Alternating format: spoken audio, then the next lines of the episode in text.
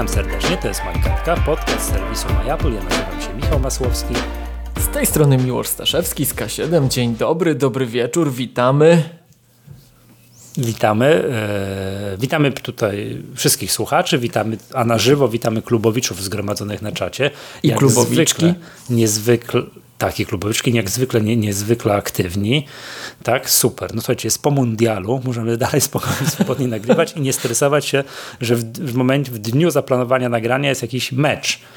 Tak? Jest jakiś mecz i to miło. Dzisiaj mamy zaplanowane takie tematy, że jakieś podsumowanie roku 2022, takiego co tam technologicznego, rozumiem, się stało, co być może ma wpływ na naszą rzeczywistość, tak? Mhm. Ale zanim co, ale zanim co, to mm, to, to tak, aha, ogłoszenia duszpasterskie. Ogłoszenie duszpasterskie jest takie, że zapraszam, tutaj już klubowiczom już mówiłem w tej części, wiesz, yy, tak, premarket. To, tej tylko za zaproszeniem. 6, tak, y, że zapraszam 6 stycznia na takie warsztaty Finaxowe. Tak? Jak dobrze pamiętacie, Finax już nie jest naszym partnerem, ale ten adres finax.tech łamany przez Maggatka został z nami na zawsze.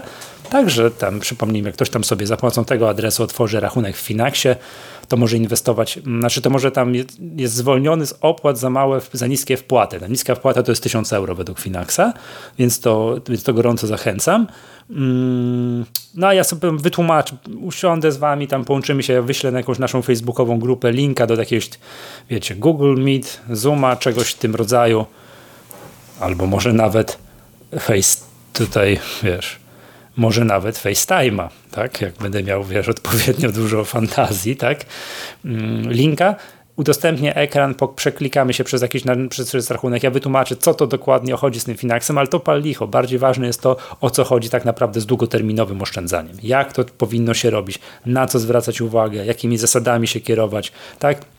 Żeby sobie powolutku troszeczkę, tak, to ja to taki przykład troszkę powiem, z kapaniem wody, żeby ta woda sobie kapała do emerytury, a na emeryturę, żebyśmy mieli wannę wody, prawda? tak, tak w dużym uproszczeniu i żeby przy tym emocje były takie same, jakbyśmy obserwowali tę kapiącą wodę do wanny, tak? Bo to inwestowanie na giełdzie bardzo wielu osobom kojarzy się, że to jest szybka jazda samochodem, że to jest w ogóle niebezpieczne, a to powinny być tak jak mówiłem, emocje jak przy, przy obserwowaniu wiesz, schno, y, schnącej farby na ścianie, prawda? No to ja to wszystko wytłumaczę, jak to się robi, więc 6 stycznia o 20 zapraszam. Przy okazji będę miał motywację, żeby szybciej złożyć ten odcinek. Ja oczywiście, tak jak mówiłem, zachęcam do, tam do obserwowania naszej grupy na Facebooku Maggatkowej. No bo ja tam te wszystkie ogłoszenia, ogłoszenia duszpasterskie umieszczam, prawda? Dobrze, to, to, to tyle. Mm, tak z ogłoszeń, to przejdźmy do tematów, czyli mamy to podsumowanie 2022, ale wiem miło, że zanim co, chciałbyś godzinę mówić o portfelu przyczepianym na magnes do iPhone'a. Bo, bo myśmy się, jest? Michał, zastanawiali, dlaczego ten portfelik jest taki drogi. I ja już wiem. No. Bo ten nowy portfelik ma wbudowanego Find My. Co ty mówisz? I to jest genialne. Więc Co jak zgubisz, to I można znajdziesz. go tak jak w domu I sam, masz, tak i sam cię im... podejść do niego i tak pyk. Tak, i sam cię pyk, informuje pyk, pyk, w momencie, jak się odepnie. Wtedy dostajesz pusza, że się odpiął. Ale Pamiętasz, bo mówiłeś, że jak ci odskoczy, gdzieś tam będziesz wsuwał do kieszeni, ci wypadnie, to będzie problem. No to jak ci wypadnie, to cię poinformuje. No wiesz co, YouTube jest, y, tam jest tysiące godzin na YouTube, jest testowania tego typu y, portfelików, tak, czy innych tam serwisach wideo. I nowy, por- to I czekaj. przynajmniej poprzednio... To nowy no, portfelik ma mocniejszy magnes. Mhm, mhm. No dobrze, no to no i co? No bo ja Możesz pokazać mi to do kamery. To, wiesz co, niestety nie mogę, bo po naszym ostatnim nagraniu to kupiłem sobie, studenci mi podesłali, bardzo dziękuję studentowi, serdecznie pozdrawiam, jest na dzisiaj wśród widowni. Eee, tak się wyzłośliwiam, bo to już nie student, to trener Apple tak naprawdę dzisiaj. Gratulujemy eee, Michałowi, więc Michał mi podesłał eee, linka, że jest jakaś wyprzedaż, że dwa w cenie jednej i to jeszcze taniej, no i kupiłem. Zgadnij w jakim kolorze kupiłem. A ja nie wiem jakie są. Poczekaj, przepraszam, ja sobie wyświetlę, dobrze? To sobie, to, to, jak to się robi? Akces, to, to iPhone akcesoria, tak? Tego nie znajdziesz, Michał. 349 pamiętam, żeby jest taka regularna cena w sklepie Apple. tego już nie znajdziesz, bo jak na tej wyprzedaży to były poprzednie modele właśnie i kupiłem bałtycki błękit, ale jeszcze nie dojechał. Natomiast zanim ten dojechał, to mi studenci powiedzieli, że to jest różnica i te nowe mają tego Find My i stwierdziłem, nie no jak mają Find My to lepiej niż te buty, cośmy o nich mówili w zeszłym odcinku jednak.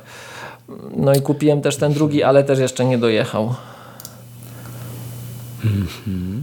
No powiem Ci faktycznie. Natomiast to jest super. Tak to jest super. Aha. Zaprojektowany, by zachwycać i, i funkcją i formą nowy skórzany portfel do iPhone'a pozwala zawsze mieć pod ręką dokumenty i karty płatnicze. Znaczy wiesz, Teraz działa jest... z funkcją znajdź mój iPhone, więc jeśli twój portfel zostanie oddzielony od telefonu, otrzymasz powiadomienie o jego ostatniej lokalizacji. Są dwie gwiazdki. Umówmy się Michał, to jest dla tych barbarzyńskich narodów zacofanych, które nie mogą mieć dowodu w telefonie, że muszą dowód nosić. No my już w Polsce na szczęście nie musimy, ale jednak czasem pewne rzeczy by się przydało, tak? Więc u nas trzeba by było mhm. dopasować reklamę do realiów że to niech sobie zacofane technologicznie narody, no zaraz wiemy, wiemy, który ja mam na myśli, ale dzisiaj będę grzeczny. Um, A czy to, to co, że to barbarzyńskie narody? Barbarzyńskie co? narody, co to wiesz, mają system finansowy gorszy, łączności komórkowej nie Niemcy. mają, cyfryzować się nie potrafią. No ty masz tobie akurat Słyszałeś, Przepraszam ten... cię, jak, jaki jest największy pol sukces polskiej piłki nożnej? Słyszałeś to a propos ostatniego mundialu? Że byliśmy dłużej niż Niemcy, tak? Tak, że Niemcy odpadli z mundialu wcześniej niż my. To jest największy sukces. tak się z tego śmiał. I w ogóle ludzie ankiety na Twitterze umieszczali, z czego się bardziej cieszysz?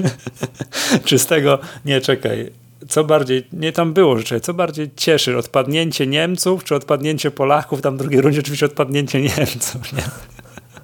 A w ogóle Włosi, przypominam, nie awansowali w ogóle do mundialu, nie? Także to też mm, tak było. E, no, no mów o tych Niemcach, no, przepraszam najmocniej. No to tam trzeba mieć dowód, a u nas to już niedługo nie trzeba będzie mieć dowodu. Mm, bo teraz te, strona, bo zaraz mi tu napisali, że to nie, niebawem, więc...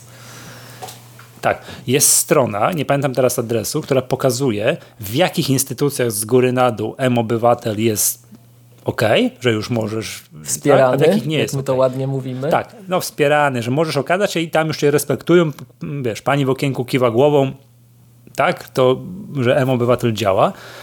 I jedno, to, co ja zapamiętałem i to, co jest zgodne z moimi doświadczeniami, jest takie, że, mm, że tam, gdzie nie działa, to są oczywiście, to są oczywiście notariusze. Tak, że no nie wiem, że to nie nie wylegitymujesz, nie chcesz kupić mieszkanie, tak, notarialnie i tak dalej, nie wylegitymujesz się dowodem e, tak, tym M-obywatela, ale z tego, co się orientuje, to jest ustawa już zgłoszona taka, która właśnie zrównuje ten elektroniczny dowód osobisty, ten w M-obywatelu, zrównuje z fizycznym, z fizycznym dowodem osobistym. Ja bym prosił jeszcze, jak sobie tak mówimy, że tam, wiesz, lista życzeń, co to, co to państwo polskie mogłoby zrobić, żeby ust jakąś ustawą zrównać mm, ten tak zwany podpis osobisty, który jest, nie, nie, co, nie, w dowodzie osobistym, nie w telefonie, w dowodzie, zrównać go z tym podpisem, który dzisiaj się nazywa podpisem kwalifikowanym. To jest jakaś tam ustawa o podpisie cyfrowym. No bo to oczywiście to, że mamy taki podpis podpis osobisty i jest powiedziane, że możemy nim płacić, ale tylko jak obydwie strony się zgodzą, a tam coś tam i tak dalej. Ale taki prawdziwy, taki prawdziwy, prawdziwy to jest, to jest ten podpis kwalifikowany, łapie się za głowę. Po co, na co to wszystko? Oczywiście do tego dowodu osobistego można sobie dograć jest tam, jest firma, która udostępnia, mówiliśmy o tym któryś Maggatce, ten podpis kwalifikowany, ale no, no, no, no jaką cholerę, że się tak wyrażę. Państwo polskie dostarcza ci coś, co działa, tylko trzeba zmienić no, ustawę. No zmieńmy tę ustawę, tak błagam, zmieńmy tę ustawę, żebyśmy mieli, żebyśmy mogli wszystko idziesz do, masz nowy dowód osobisty, dziękuję, podpisujesz wszystkie dokumenty elektronicznie, bez żadnego dokupywania, a już nie daj Bóg, ktoś się w zakopie za przeproszeniem jakiegoś pendrive'a, na którym ma podpis elektroniczny, to jest po prostu kara boska, prawda? No, ja, ja takiego to, to, mam. To jest straszne. No. Tak, a pod czemu? No bo było potrzebne się. i tak wyszło. No. Trzeba było odsuwać którąś tam magatkę, ale zapytać się to mnie, było, jak to, to jest firma z Wrocławia. A wcześniej. No bo tam, tak, to jest niewygodne, no bo choćby dlatego, że ten pendrive to jest takie zwykłe USB-A, prawda? Tak, ale to jest najmniejszy problem. Tak, no. No problem jest, że musisz go nosić, coś tam i tak dalej. Moi znajomi mają takie podpisy elektroniczne. Jak mówię, weźcie coś tam, trzeba po coś podpisać, a mówią, że mm, no będę przy komputerze, to podpiszę, nie? A ja mogę w tramwaju jadąc podpisać dokument, co już mi się raz, no, no tam w podróży mi się raz zdarzyło, nie? Ściągnąć dokument, przejrzeć PDF-a, podpisać, wysłać, odesłać. Ale to czekaj, to bo jest... ty masz taki podpis w tym dowodzie, czy... Tak, tak, tak. To jakiej ty jest masz firma, marki, że tak pamiętam. powiem? To... Ten Kto tak podpis, tak no? czekaj, no to już mówiłem, to jest ta firma, czekaj, już ci mówię, czekaj, podpis a to jesteśmy, możemy te elektroniczny, kwalifikowany i teraz, czekaj, czekaj, czekaj, czekaj, teraz będzie czy ja to tak znajdę? Sigi, sigillum. Okay. Sigillum.pl tak? I to jest spółka zależna, widzę, Polskiej Wytwórni Papierów Wartościowych.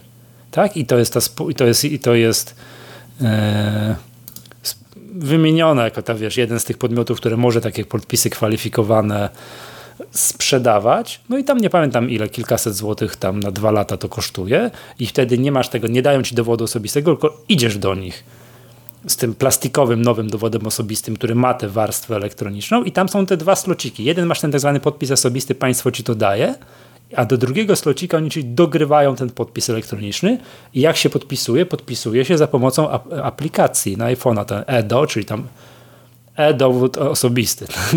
app. No i to działa pięknie, tak? Pod jednym warunkiem, że PDF ma do 5 megabajtów. No takie dziwne ograniczenie, no ale tak ma, tak? No i generalnie możesz podpisywać tylko PDF-y, tak?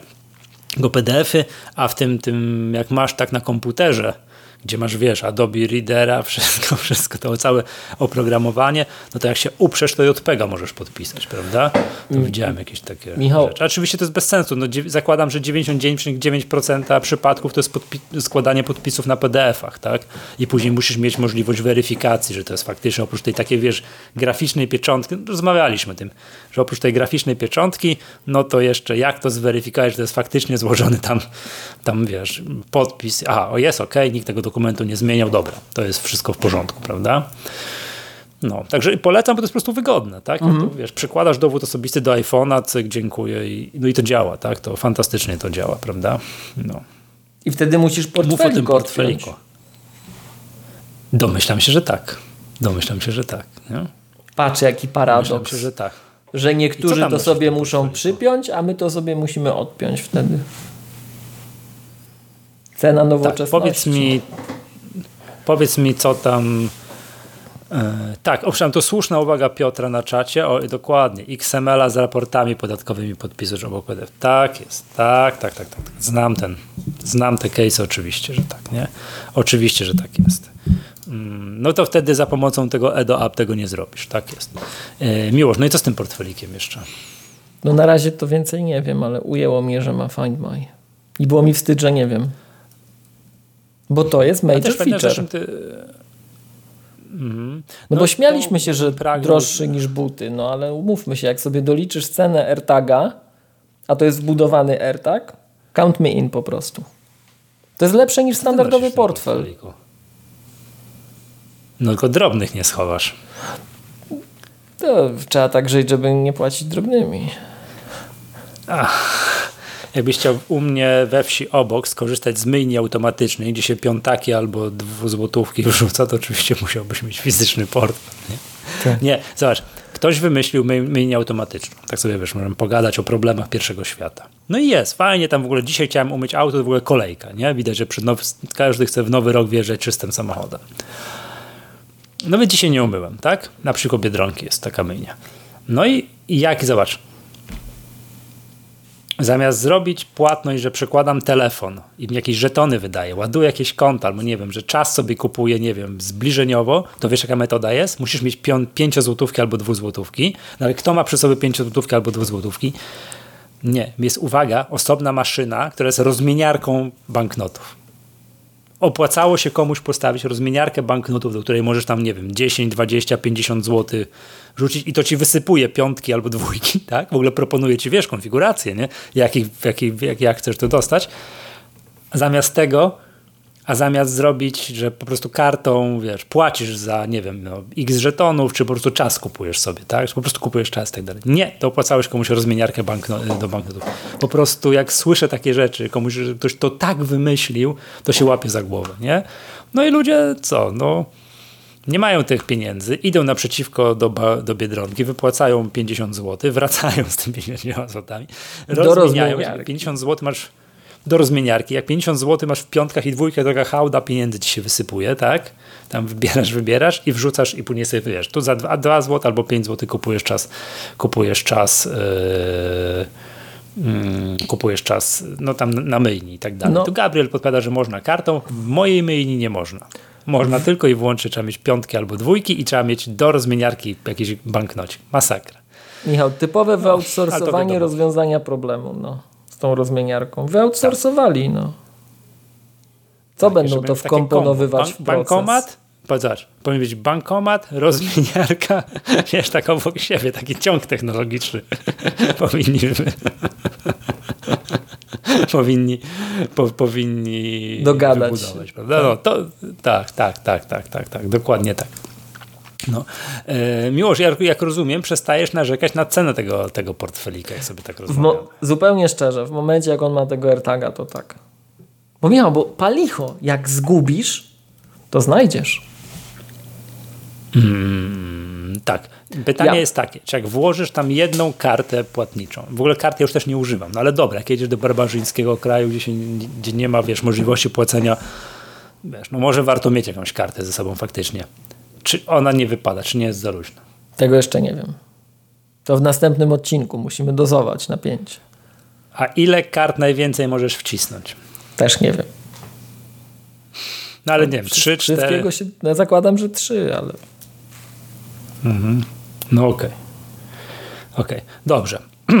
Wiesz co, mam kącik kulturalny. Mm. Ja też, ale to na koniec, czy nie? Tak, ale na końcu właśnie, właśnie nie wiem, bo to chciałem godzinę mówić o tym serialu, ale mogę... A nie, no to bardzo cię proszę. Hmm, no może tak trenimy tutaj po środku w takim razie, dobrze? Bardzo dobrze. Chciałbym, że tak powiem, po pewnej, po bardzo długiej przerwie kupiłem sobie z powrotem Apple TV Plusa, tak? I po pierwsze chciałbym się... Słucham? Gratulujemy.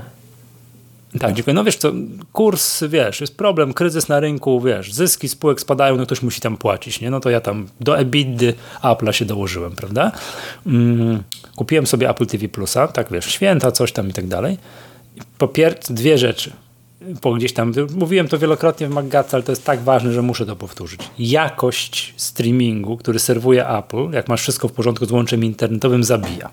No to jest po prostu nieprawdopodobne, tak? tak po tym nie wiem, no nie, nie znajduję odpowiednich, wiesz, inwektyw, już po prostu obelg na HBO Maxa, to po prostu się nie da tego oglądać, to jest po prostu katastrofa. Tak jak włączysz sobie mm, Apple TV Plusa, to czujesz się, wiesz, jakbyś sobie tak w środku gorącego lata zjadł A. wiesz, zimne. Nie, to Steve Jobs to miał, że o czym to miał? O iTunes czy o Safari? Szklanka, że, że, o jak... iTunes, szklanka zimnej szklanka wody w samym wody. sercu piekła w samym sercu piekła. Tak, to jak jesteś po, takim, po, po, takiej, po takiej HBO Maxie i ty właśnie włączysz sobie Apple TV Plusa, to oczywiście temu filmy się mogą podobać, nie podobać i tak dalej, ale siedzisz i rozpływasz się, tak? Obejrzałem dwa filmy. Obejrzałem dwa filmy. Pierwszy jest, no powiedziałem, nieświąteczny. Taki nieświąteczny, znaczy nie wpasowujący się w klimat i tak dalej, no ale ważny z historycznego punktu widzenia, trzeba obejrzeć i tak dalej, czyli Wyzwolenie. Tak, Emancipation z Willem Smithem. To, I to, co ciekawe, to jest film na faktach, bo to jest e, mm, historia jednego niewolnika, tak, który uciekł, który już, ta rzecz się toczy w czasach wojny secesyjnej, no ale zanim wojna secesyjna została wygrana, to na południu jeszcze było niewolnictwo, który ucieka z plantacji niewolników, przedziera się przez jakieś, goniony jest przez, znaczy nie z plantacji, jakieś tam bawełny, tam czy tam, jeszcze nie wiem, pracował, przepraszam, później pracował na jakiejś przy układaniu torów kolejowych i przez jakieś z, z kilkoma innymi, że tak powiem, niewolnikami, ucieka przez bagna do armii Lincolna, bo gdzieś się rozeszło, że Lincoln tak ogłosił, że wszyscy są wolni i tak dalej. Oczywiście polecam ten film. Film jest fantastyczny, bo to jest na faktach. Gdzieś tam jest takie słynne zdjęcie, jak mu zrobili, że wiesz, takie, już go jak tam dotarł do tej armii Lincolna, słynne zdjęcie y, i to jest fak faktyczne jest takie zdjęcie, było zrobione w czasach, w czasach wojny secesyjnej takiego niewolnika czarnoskórego, który ma całe te plecy, wiesz, od batów, tak, że ma całe gdzieś tam, wiesz, jakieś blizny po batach i tak dalej. Jemu zrobiono identyczne zdjęcie i później porównano, w filmie jest porównanie tego zdjęcia zrobionego Willowi Smithowi ze zrobionym tym zdjęciem oryginalnym tam w 1800 którymś tam, prawda? Więc to, jest, to, to, więc to film jest fajny, znaczy fajny, ciężko, nie, nie, nie można ten film powiedzieć, że jest fajny, że film jest taki, no powiedziałem, uderzający, wiesz, taki głęboki i tak dalej, natomiast oczywiście nie nadaje się w żaden sposób, no nie wiem, do czegoś takiego, a chcę sobie w piątek obejrzeć lekką komedyjkę, tak? No na randkę się nie nadaje, tak? Obejrzyjmy sobie, wiesz, lekką komedyjkę w piątek wieczorem. Nie, to jest ciężki film, to jest ciężki, tak? Plus całość jest zrobiona w takiej, powiedziałbym, jakiś filtr jest nałożony na ten film i jest prawie czarno-biały że, że film jest taki, wiesz, powiedziałem, taki monochromatyczny, ale on nie jest czarno-biały, tak? Jest taki, no, jest, jest kolorowy, ale te kolory są wszystkie takie bardzo wytłumione i naprawdę no, wrażenie jest piorunujące. Tak? Plus jakby mówię, no ta jakość tego filmu podanego, w tym w takiej właśnie wiesz, stylistyce takiej lekko czarno, nie, no, czarno-białej, ciemnej, ale z przebijającymi się kolorami robi kolosalne wrażenie. Warto obejrzeć. Naprawdę warto obejrzeć. To jest jeden z tych filmów, które Apple kupiło, nie wiem, kupiło, zleciło produkcję i tak dalej, tych takich pełnometrażowych. To nie jest serial. To jest takie tam niecałe dwie godziny, a no naprawdę ciężkiego kina, prawda? Naprawdę ciężkiego kina, ale moim zdaniem wartościowego warto, warto zobaczyć. No ale to tam palicho. A nie palicho, to jest tak na, na, na boku chciałem powiedzieć. Natomiast chciałem się rozpłynąć i tu polecić i do, do kącika kulturalnego Maggatki nominować serial Rozdzielenie. Angielskie słówko, tam będzie angielski, angielski to Severance. Co to jest za serial? Co to jest za serial? O matko. Czy mogę zdradzać fabułę? Czy są spoilery możliwe, czy niechętnie? Jak, jak ja jeszcze nie widziałem, to niechętnie, ale... A ty nic nie oglądasz, Miłosz, jak ty nic nie oglądasz. I mówię ci tu, że masz obejrzeć skazanych na Shawshank, jedno, drugie, trzecie, a ty nic nie oglądasz, więc śmiało ci mogę mówić. Tak? Bardzo, bardzo śmiało proszę. Mogę bardzo mówić. proszę. Dobra. Powiem ci, bo to jest tak. Mm, pamiętasz, ja to zawsze polecałem ten serial Defending Jacob w obronie syna. Oprócz tego, że, no, że fabuła jest super w Defending Jacob, to tam klimat tego filmu jest taki tak wie, że akcja tak lek płynie powoli, że powoli są jakieś wątki odkrywane i tak dalej, że taka w lekkim zawieszeniu, jest dużo takich, wiesz, scen, w których nic się nie dzieje, a które tylko klimat podkreślają, nie? To super są takie rzeczy, jak to jest oczywiście dobrze zrobione, no to ten Severance jest lepszy pod tym względem, nie? I w ogóle jest jakaś taka, wiesz, paranoiczna przyszłość, jakaś taka nie wiem jak to powiedzieć, no taka no to, rzecz się dzieje. No może, chyba... może nie mów. Nie, no powiem, znaczy nie, rzecz się dzieje, dzieje niby wiesz, że tak jak patrzę rzeczywistość za oknem, to mniej, mniej więcej w naszych czasach, a w firmie, w której pracuje główny bohater, to w ogóle sprzętów używają, wiesz, takie jak ja miałem, no zamknę jedno oko, a z 35 lat temu, wiesz, monitor monochromatyczny, taki zielony, kojarzysz? Takie były? Nie, to może nie pamiętać, wiesz, zielone albo miodowe monitory. Rubinowe. Bańka, nie? Do, Czekaj, do Atari 800 XL, jakieś się przyłączało. Na przykład, a nie, Commodore był kolorowy. 10 coś tam. No, to, a tak, oczywiście, że był kolorowy. Atari 800 XL też podawało kolorowy sygnał, jak przyłączałem go do telewizora. Nie, nie, nie, ale monitor Commodora był kolorowy. No, rozumiem. No, ja posiadałem do Atari 800 XL taki zielony, taki malutki monitorek, taki ten. No i oni tam używają takich sprzętów w tej firmie, w której pracuje główny bohater. Ale to, więc tak jest, takie jest takie, wiesz, tak no dziwnie to wygląda, bo jakieś, wiesz, analogowe aparaty, coś tam, jakby, wiesz, jak kogoś nagrywają, że ktoś coś ma mówić, to taśma się kręci. Wiesz, to moim dzieciom to musiałem prawie wytłumaczyć, o co chodzi, nie? Że. Tak, kiedyś e... utrwalaliśmy dźwięk. Tak, tak, drogie dzieci, proszę bardzo, to jest taśma magnetofonowa. Tak, tak, tak się podcast Teraz... nagrywało. No, radio tak działało, że nagrywali. No po prostu ja pamiętam, że jeszcze jeździłem na konferencje prasowe i że dziennikarze przychodzili z dyktafonami, ale właśnie z dyktafonami takimi taśmowymi. Mieli no, szok, nie? jeszcze kilka, no powiedziałbym kilkanaście lat temu, ale nie do tego Severance'a. Słuchaj, film jest niesamowicie zrobiony. Powiem tylko o fragmencie pierwszego odcinka, bo potem faktycznie już nie chcę zdradzać fabuły. Jest patent tak, jak ja to zacząłem, to spadłem z krzesła, bo to się wyjaśnia w pierwszych kilkunastu minutach filmu, że o przedsiębiorstwie, które nie wiadomo co robi, a to, to też jest głębsza później tam fabuła. To dzisiaj dużo takich jest. W której, no? w której pracownicy poddają się procedurze, to jest operacja wręcz, rozdzielenia, tak, z tego tytułowe severance. To jest, polega na wszczepieniu jakiegoś chipa do mózgu. To jest wręcz pokazane tam w którymś odcinku, to jest drugim, że jak jesteś w pracy, to nie pamiętasz, co się dzieje na zewnątrz, a jak jesteś na zewnątrz, to nie wiesz, co się działo w pracy. Okay. Kosmos. Efekt jest taki, że de facto są dwie osoby. Jedna jest cały czas w pracy, bo tam efekt jest taki, że on wychodzi i natychmiast wchodzi. Tak, że on nie pamięta, więc on, główny, ludzie, którzy tam pracują, mają taki efekt. Przekraczasz, wsiadasz do windy, w której wyjeżdżasz na poziom taki, że jesteś w domu i natychmiast jakby wracasz, no bo nie pamiętasz tego, co było, co, co, co jest po drugiej stronie. I po drugiej stronie jest dokładnie to samo, czyli jak jesteś, w, nie wiem, poza pracą, to jesteś, masz cały czas wolne. Tak? Cały czas wolne. No nie, wiesz. I, ale są patenty takie, że jak ktoś na dole na przykład źle pracuje, to pensja jest obcinana tej osobie na górze. Tej, który jest poza pracą. I tak ale czekaj, no czekaj, tak czekaj, ale to jest, to no. ta, jest ta sama osoba, bo się zgubiłem. Tak, oczywiście, że tak. Tak, tak. Że ktoś, ma, ktoś tam ucina sobie drzemkę w pracy, ma ostrzeżenie, ostrzeżenie, że twojemu alterowi obetniemy pensję o 10%. No.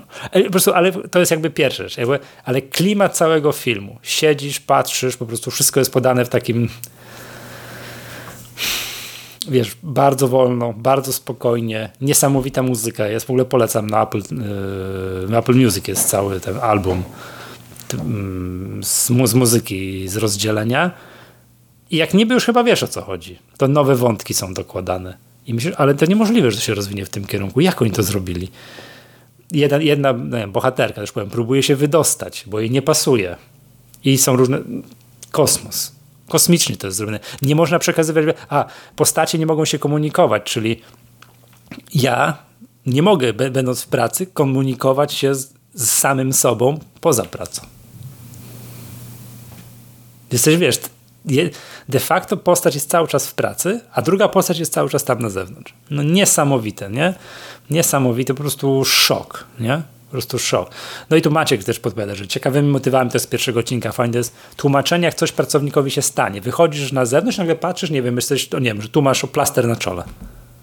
Jesteś na zewnątrz. I, to za, za, za i w samochodzie za, za, za, wycieraczką znajdujesz tłumaczenie. Uderzyłeś się w szafkę, coś tam, coś tam. Nie? I masz jeszcze jakieś tam, jakieś wiesz, wynagrodzenie za to.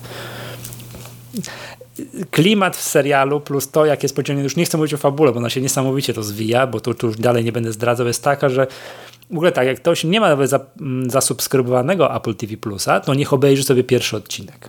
Bo już mówił, mówiłem któreś Magacy, że pierwszy odcinek rzucił mnie na kolana i on faktycznie dalej jest tylko lepiej to ten pierwszy odcinek zabija. Pierwsze kilkanaście minut, kiedy wyjaśnia się ten, takie wiesz, to przejście między światem poza pracą i, i, i że ktoś zjeżdża na poziom rozdzielenia, wow. Plus zrobione to jest no, no obłędnie, tak? No obłędnie. Plus to, że nie wiadomo czym oni się tam zajmują tak naprawdę i próbują później dojść do tego, czym oni się zajmują. Szok. Dawno nie widziałem takiego filmu. Dawno nie widziałem takiego. To w ogóle jest nietypowe, jest, nie? Jest nietypowe. Nie jest tam, nie wiem, o komandosach, o czymś tam, nie wiem. No takie typowe scenariusze filmowe, tak? Nie, to ja chciałem. Coś, patrzysz, o, patrzysz, obejrzeć... o, tego jeszcze nie było. Tego jeszcze nie było. Od dawna chciałem obejrzeć ten serial, ale cały czas mi nie wychodzi i chciałem jeszcze obejrzeć Slow Horses, ale nie wiem jak to się na polski tłumaczy. W ogóle chciałem zauważyć, że komentarze są obłędne do tych naszych recenzji filmowych. A, że ja mówię, że nie wiadomo o czym oni się tam zajmują i komentarz Pimposza jest to tak jak w polskim rządzie. Też nie wiadomo co tam się Oni też te Kulawe konie jest polski, o, polski tytuł tego Kulawe konie, tak? To to jeszcze, to jeszcze, to jeszcze, to jeszcze, to jeszcze, to jeszcze przyjdzie, przyjdzie czas, tak? Także dwie rzeczy, wyzwolenie, ale tak jak żeśmy to ładnie powiedziałeś, nie na randkę, tak? Obejrzeć sobie spokojnie, tak? Samodzielnie. E, no i ten severance to jest, jest, jest, jest obowiązkowy. Oprócz tego, że kiedyś widziałem pierwszy odcinek, chciałem to obejrzeć, to widziałem, że ludzie wrzucają w media społecznościowe jakieś podsumowanie. A podsumowanie 2022 roku, najlepsze co obejrzałem. No to no, przez Twittera się przewija, przez jakieś Facebooka czy inne media społecznościowe i ten Severance jest regularnie w czołówce tych, tych takich podsumowań. A na pierwszym miejscu, a w trójce, a coś tam i tak dalej, i tak dalej. Wow kulawe konie. Tutaj Tomek podpowiada, że to brzmi jako polskim rządzie. W ogóle widzisz, Severance jest o polskim rządzie, też nie wiadomo, co tam robią, tak? Kulawe konie. tak, tak. A pewnie nas słuchają, to was gorąco pozdrawiamy tam. No nie wiem, co. Co możemy tak. pożyczyć polskiemu rządowi, żeby uchwalił, to mówiliśmy już, tą u, to właśnie, o, tak. O M obywatelu, tak, to pozdrawiamy was serdecznie. I drugie o tym, tym o podpisie elektronicznym. Dajcie to każdemu obywatelowi, a nie temu, tylko temu, kto zapłaci w tych wszystkich firmach. Niektórzy, niektórzy dostają emerytury, a wy, drodzy słuchający nas, jak to się mówi, decydenci, mhm. drodzy decydenci, to my jesteśmy tą świadomą częścią społeczeństwa, która nie liczy na te emerytury i dodatki. My widzicie, tutaj próbujemy sobie sami wypracować. Bierzemy z was, zdejmujemy ten problem. Tak? to chociaż się oszczędzam, albo w Google. Nam też coś przed wyborami dajcie. No, tak jak Michał mówi, dla nas też tu coś. I tanio, i jakiś skutek później pożyteczny. No. Tak. Nie, no miło, to jest tak, że mam kolegę, yy, który zawsze mówi tak, że jak się ze mną spotka i pyta się, jak kojarzy się tam tematami, wiesz, makowo-aplowymi interesuje, mówi tak, bez sensu, jak się z tobą spotkam, to zawsze później pieniądze wydaje. Nie, bo on tak pyta się, a co tam fajnego, co tam nowego ostatnio Apple wypuściło? No to ja tak opowiadam, a to, a tamto i tak dalej. On mówi tak, kurczę, no co ty, zawsze jak z tobą gadam, to potem muszę wydać pieniądze. To, czasami efekt jest odwrotny, nie? My mamy taki efekt, taki urok osobisty tu w tej audycji właśnie. Tak, tak. Mam kolegę, który y, ma serwis rowerowy, sklep i serwis rowerowy, który mówi, że jak klient wchodzi do niego do sklepu i chce wydać, ma i każdy mniej więcej kojarzy, ile kosztuje rower, ile, albo ile chce wydać na rower. Na jakąś kwotę X nazwijmy, nie? X. I efekt jest taki, że on wychodzi z tego sklepu rowerowego i płaci 2,5x. To jest taki w ogóle wzór jest, nie? Ktoś wchodzi, chce zapłacić tyle, a płaci 2,5x, nie? Że rower okazuje się dwa razy droższy niż, yy, plus to jaki on chce rower, to się okazuje dwa razy droższy niż on, niż on myślał, że on kosztuje, a te pół to jest jakieś akcesoria, jakiś licznik, a pedały do tego, a, a, wiesz, a koszyki na bidon, a to, a tamto i tak dalej, nie? No, to tak samo jak ktoś od nas kupuje komputer i nie daj Bóg zadzwoni zapytać się jaki komputer. To jest identyczny patent. Nie? To jest, nagle okazuje się, że tam ramu trzeba więcej, że dysk mógł być większy i jeszcze, I jeszcze by się coś przydało. Tak? I, tak, iPada nie takiego, tylko lepszego, a klawiatura, a rysika coś tam, no i... No i no, portfelik. No, no, no, no, no. I portfelik, i portfelik. No powiem ci, już zaszokowałeś mnie tym portfelikiem. Ja też. W ogóle tu była dobra errata że to nie jest tak, że portfelik się namierza jak AirTag, to tutaj nadużycie, ale że on ci powie, kiedy zginął. Że powie ci, jak się odpina Czekaj. przez Find My. No bo ja jeszcze nie wiem, bo Czyli on nie, nie ma. A, miłość to jest bardzo słuszna erata, bo czekaj, to już przeczytałem, to jest tak. Teraz działa z funkcją znajdź mój iPhone, więc jeśli twój portfel zostanie oddzielony od telefonu, otrzymasz powiadomienie jego ostatniej znanej lokalizacji. Eee, to Lipton. Przepraszam, no to słabo. To ja myślałem, że to ma ten chip U1, bo już mi tak tutaj ten i że może go, wiesz, tak pyk, pyk, pyk, pyk szukać po domu. Gdzie ja włożę mój portfelik? To by, powiem ci, uzasadniało jego cenę 349 zł, nie? Czyli ma, powiem, patrz, miłość, portfelik ma identyczny patent jak samochód, nie? Jak złączysz po raz pierwszy sparujesz sobie, no nie wiem od kiedy to jest, ale to jest w, w mapach Apple.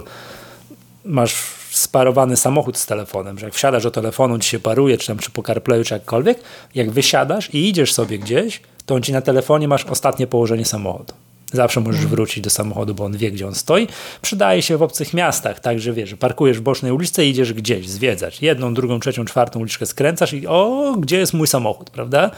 No to wtedy to się oczywiście, mm, to się oczywiście bardzo, bardzo przydaje, tak? No ale mógłby pokazywać, wiesz, tak dokładnie, nie? Może wersja 3.0.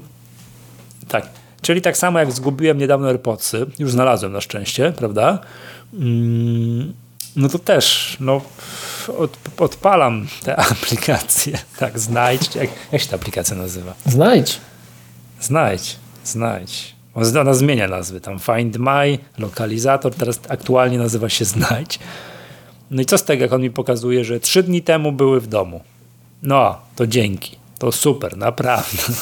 Przecież aż prosi się, żeby to pudełeczko miało ten chipu jeden, żeby można było znaleźć się tak, tak jak, jak, jak AirTaga. Albo żeby zapiszczało no jeszcze.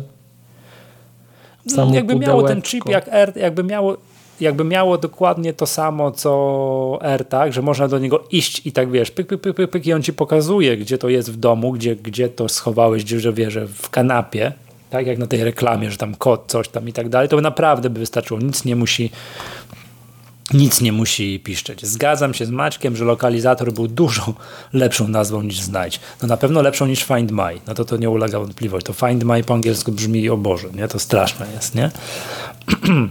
No, więc już ja tyle o tych serialach, tak? Więc tylko, tylko dwa tutaj, znaczy nie serialach, film, tak, Wyzwolenie i serial, serial Rozdzielenie, nie mylić, tak? A to ja nie wiem, czy, my, czy to ja już też powinienem swoją tą, bo ja mam taki, Py powiem Pytanie, ci, co tam masz? Zwyczajowy bardzo, dzisiaj nie muzycznie, znaczy dzisiaj podcastowo, ale w sposób szczególny. Mm, no bo odszedł, odszedł pan Emilian Kamiński, założyciel teatru Kamienica, mm, z którym my zresztą jako Maggatka też e, mieliśmy okazję współpracować. E, no i to jest, powiem Ci Michał, jeden z takich momentów, um,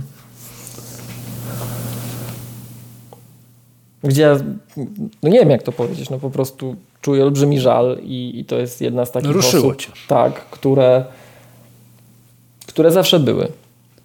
I to w jaki sposób y, funkcjonowały na co dzień, to było inspiracją. I no i będzie gorzej, tak. Natomiast w oczywisty sposób, tak, jak ta wiadomość y, pojawiła się w mediach,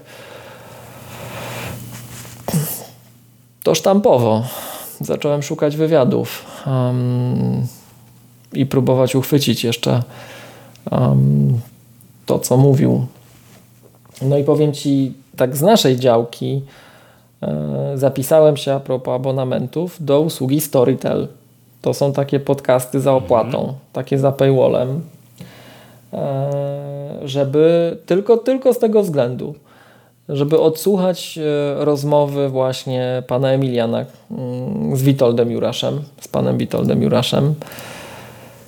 E, gorąco polecam. E, tam jest w ramach Storytel jest taki, mm, taki no, chyba należy to nazwać podcast, ale za paywallem, polityka z ludzką twarzą. I tam bodajże odcinek 18 jest właśnie z panem Emilianem Kamińskim. Gorąco wszystkim polecam. Um, to plus może wywiad, y, ostatni wywiad y, z panem Emilianem, wykonany, jak gdyby przeprowadzony przez y, Macieja Orłosia. To mhm. powiem szczerze, ten, też, też ten wywiad, on jest na YouTubie, on wbija w fotel. On po prostu wbija w fotel. To jest coś, co uważam, że powinniśmy posłuchać. Każdy z nas powinien posłuchać, więc. A na jaki temat jest? O sztuce, o teatrze, okay. o roli i, i, jeden i drugi, tak? o roli sztuki e, w życiu. Ta rozmowa Orłosia z, z panem Emilianem ma pana Orłosia z panem, Emilian, z panem Kamińskim, utrzymując konwencję. Um, to jest taki, tak, taki format ileś pytań do, ale czasem mam wrażenie, wiesz, że, że te pytania miałyby w zamyśle mieć taki lżejszy ton, a odpowiedzi są poważne i takie powiedziałbym dające do myślenia, więc gorąco, gorąco, gorąco, gorąco polecam. E, bo to była jedna z takich osób, której warto było słuchać. Więc wykorzystajmy to, że trochę tych zapisów jest i wysłuchajmy, jeśli nie mieliśmy okazji. To ja to w kąciku kulturalnym. Mhm, to, to jest wywiad na YouTubie. Tak, tak podlinkujemy. Podlinkujemy jedno i drugie. Mhm. No wiadomo, oczywiście okoliczności są no, smutne, prawda? No to tu dużo mówić, tak? No to można powiedzieć, że to jesteśmy jakimiś tam szczęśliwcami, mm, szczęśliwcami mm, czasów, w jakich żyjemy, że tych wielkich ludzi, którzy właśnie teraz tak umierają, my możemy obserwować, wiesz, oglądać filmy z nimi, sztuki, wywiady latami, bo to zostaje na YouTubie, nie wiem, telewizja przypomni raz na jakiś czas, tak dalej, i tak dalej, prawda? No i tak tutaj właśnie, widzisz, tutaj yy, Piotr czyta w moich myślach, telepatia działa, że sportowo też wielki smutek, bo tam wczoraj, tak, umarł Pele. Tak? No i to jest w ogóle, wiesz, to jest w ogóle trochę powiedziałbym, no wiesz, tak jak widzisz, no jak ktoś mhm. teraz współcześnie tak, umiera, to możemy, no, są filmy, wszystko, tak, no nie wiem, że nie wiesz, tam nie wiem, w zeszłym roku czy w tym roku umarł Maradona. No to przecież ja wychowałem się, że jestem pokolenie Diego Maradony. Od 86 mecze, tam wszystko możemy sobie teraz pooglądać i tak dalej. To nie było tak dostępne jak dzisiaj, no ale wiadomo, te wszystkie wielkie mecze Diego Maradona oglądaliśmy, ale przecież toczyła się całe lata dyskusja, kto jest tam piłkarzem wszechczasów, czy Maradona, czy Pele. No teraz się jeszcze toczy, czy Maradona, czy Pele, czy Messi po ostatnim mundialu.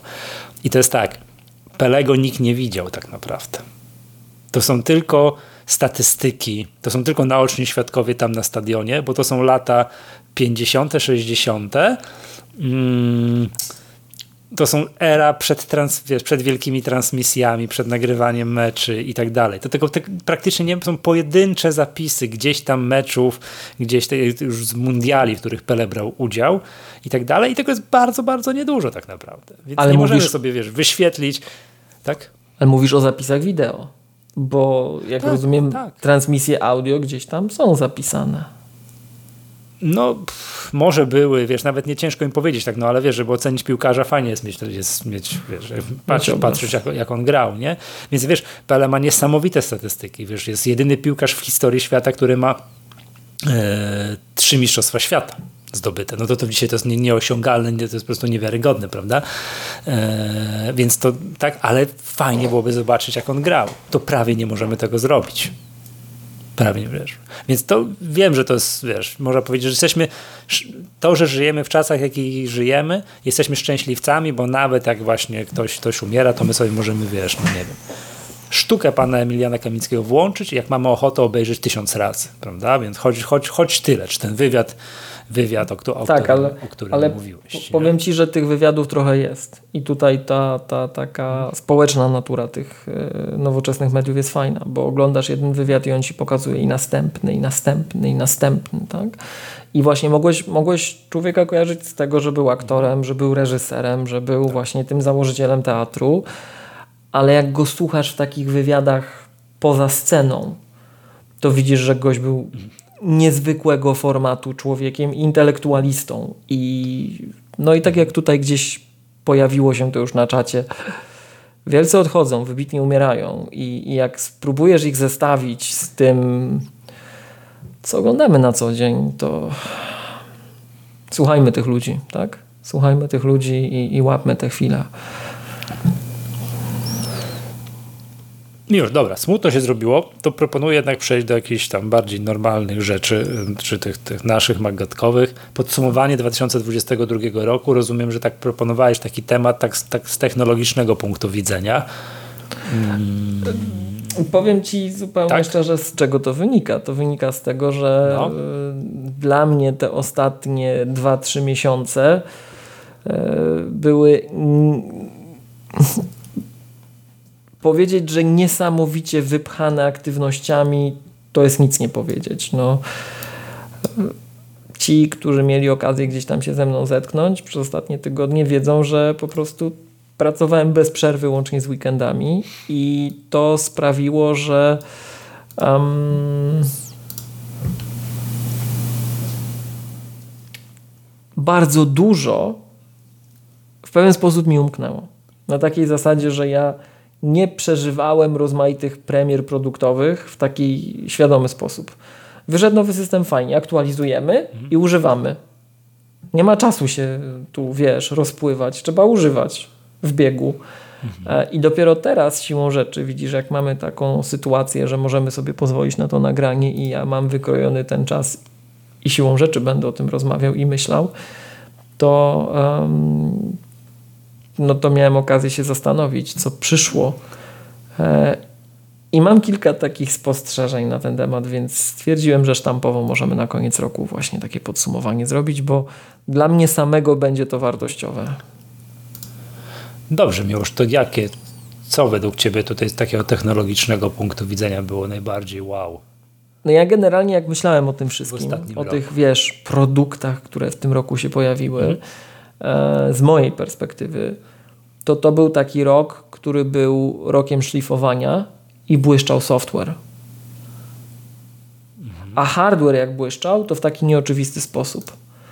No bo jak się zastanowię nad hardwarem, który dla mnie był najważniejszy w tym roku, tak osobiście, osobiście, no to nowy iPhone z tym niegasnącym ekranem właśnie dlatego, że ekran nie gaśnie. Słuchawki te nowe, to już mówiliśmy, że te, now, te nowe słuchawki to, to, to jest niesamowite po prostu. Nowe słuchawki tak? czy AirPodsy, AirPodsy Pro 2? Tak? tak. Ale mimo wszystko, mimo wszystko to jest tak, tak jak my, to, co my często podkreślamy, to jest tak jak z continuity i handoff, że jak mi to zabierzesz, to ja się zapłaczę ale ja to zauważę dopiero jak się zacznę poważnie zastanawiać albo jak mi zabierzesz. Na bieżąco ta przesiadka jest bardzo płynna. Um, jak z gorszego do lepszego samochodu. Tak patrzysz, co, za co ja tyle pieniędzy zapłaciłem? Pojeździ tydzień i wróć się do tego gorszego. No tak, dokładnie, ale zobacz, pojawił się bardzo ciekawy komentarz dosłownie w tej chwili na naszym czacie słuchaczy, klubowiczy. Hmm. Hardware jest dobry jak nigdy, a software ech. No właśnie ale jakbyś mnie zapytał, pod jakim. co symbolizował dla mnie ten rok, tak? E, w jaki sposób ja go zapamiętam, to właśnie software. To właśnie software. W tym roku dla mnie gwiazdą był software i to najśmieszniejsze, taki software, na który ja się przesiadłem w biegu. I teraz pytanie do ciebie, bo ja jestem w stanie, mhm. ale może pobawmy się trochę, Michał, dobra? Czy dobra. Co, co ty byś wskazał jako coś, co w minionym roku Apple'owo albo bardziej technologicznie zmieniło twoje życie? Bo ja mam taki feature jeden, już się pewnie domyślasz, że software'owy, jak tak mówię. I jestem przekonany, że nikt, absolutnie nikt nie zgadnie, a jak to powiem, to części ludzi, u części ludzi będzie taki efekt, a właśnie, aha, masz rację. I to dla mnie symbolizują ostatnie wydania oprogramowania Apple'owego i produktów Apple'a szerzej, bo Apple'owe mm. produkty to jest ten software, to jest istotny komponent tego produktu. Tak, tak. Software i hardware i usługi. usługi. Tak, tam trzeba pamiętać zawsze, tak? Tak. Wiesz co, jak jakbym tak powiedzieć, mm, to dla mnie osobiście, to jeżeli na chwilę jeszcze cofając się do sprzętu, to oczywiście nowy iPhone, tak? Jest jeszcze zanim, tak, chciałem tu szerszy kontekst, tak, tutaj nakreślić, mhm. no bo to jest, wiesz, wynika z tego, że ja się rzadko przesiadam. Tak? Ja kupuję w danym momencie the latest, the greatest i staram się używać umiarkowanie długo i to umiarkowanie długo w przypadku moich telefonów to jest tak 3-4 lata, no to, to, to wiesz, jak ja się przesiadam, przesiadam z iPhone'a 6, nie przepraszam, z, z 10S, przepraszam, z 6 na 10S, 10S teraz na, na tej, na, na, na 13 Pro, no to wow, no to po prostu, czy, czy, tak, czy jest 13 czy 14, co my teraz mamy? Jezus 14. 13, tak? 14, no właśnie na 14 Pro, no to wow, to jest oczywiście XXI wiek, tak? Ale to oczywiście spodziewałem się, dla mnie to jest, wiesz, no, szokująco szybkie, wydajne, zdjęcie robi takie, że, że głowa mała, no i oczywiście narzekam, że jest cegłą, to dyskutowaliśmy o tym, że Apple idzie w cegłowatość, do tego mi, tego wrażenia wyzbyć się nie mogę, że jest wielkie i ciężkie, nie? Czter tak.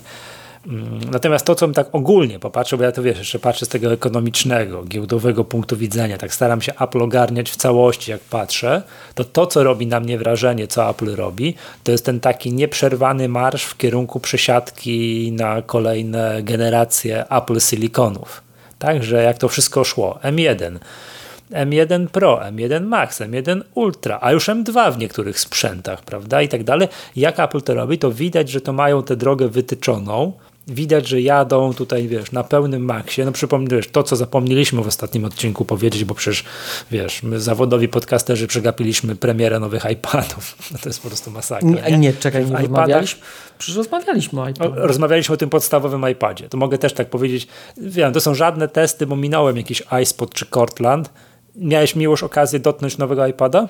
Tak. tego podstawowego, bo to tak. jest jakby tutaj taki, wiesz, tego kolorowego nowego, no. tam wiesz, no tam są dwie, dwie rzeczy takie godne zauważenia. Ja wrócę zaraz myślą do tego marszu Apple Siliconów, nie? Mhm. Tam są dwie rzeczy godne zauważenia, czyli skanda skandalem jest to, że jest Apple Pencil pierwszej generacji, no to, to jest i sposób jego podłączenia wołał pomstę do nieba, no to zostawmy, nie, nie, nie, nie wyznęcajmy się nad tym. Nie, trzy rzeczy. Druga rzecz, nie ma przycisku, no to jest fantastycznie, jest ten Touch ID w, w, z boku, no to jest rewelacja. I trzecia rzecz, która jest moim zdaniem, to, ty to powiedziałeś na wizji, że masz podejrzenie, że to origami może nie być takie fajne, to ja tak dotknąłem tego produktu i tak spróbowałem tu go poskładać, to to potwierdzam to. Ta taka, wiesz, klawiatura odczepiana, a z tyłu takie, wiesz, to jest taki używanie tego w biegu jest niewykonalne. Tak, no bo tam jest, jest klawiatura i ten, te plecki są, to są dwa osobne elementy. Na pierwszy rzut oka wydaje się może fajne, a w praktyce jak to zobaczyłem, to się za głowę złapałem. Tak? No to, to, to, to, to, to, ale to, to była taka dygresja o tym iPadzie, prawda? Tam ewidentnie widać, że jest potrzebny produkt typu takie to keyboard folio, takie wiesz, jednoelementowe, ładne, składające się. To, to aż prosi się, tak? Ale to, to kiedyś, kiedyś przy okazji.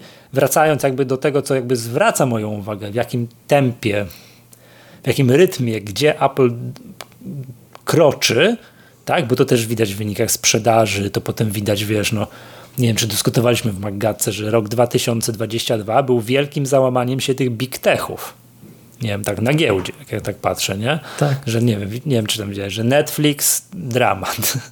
Facebook zanurkował tam grube kilkadziesiąt procent, bo Mark Zuckerberg powiedział, że teraz tylko metaverse i tylko to się liczy i uwaga, powiedział coś, chyba zapomniał, że jest prezesem spółki giełdowej, powiedział i koszty się nie liczą. No tak to usłyszałem, to po prostu, no i to inwestorzy też usłyszeli i tam tego Facebooka odpowiednio na giełdzie ukarali, nie? No generalnie jest masakra, a Apple się trzyma.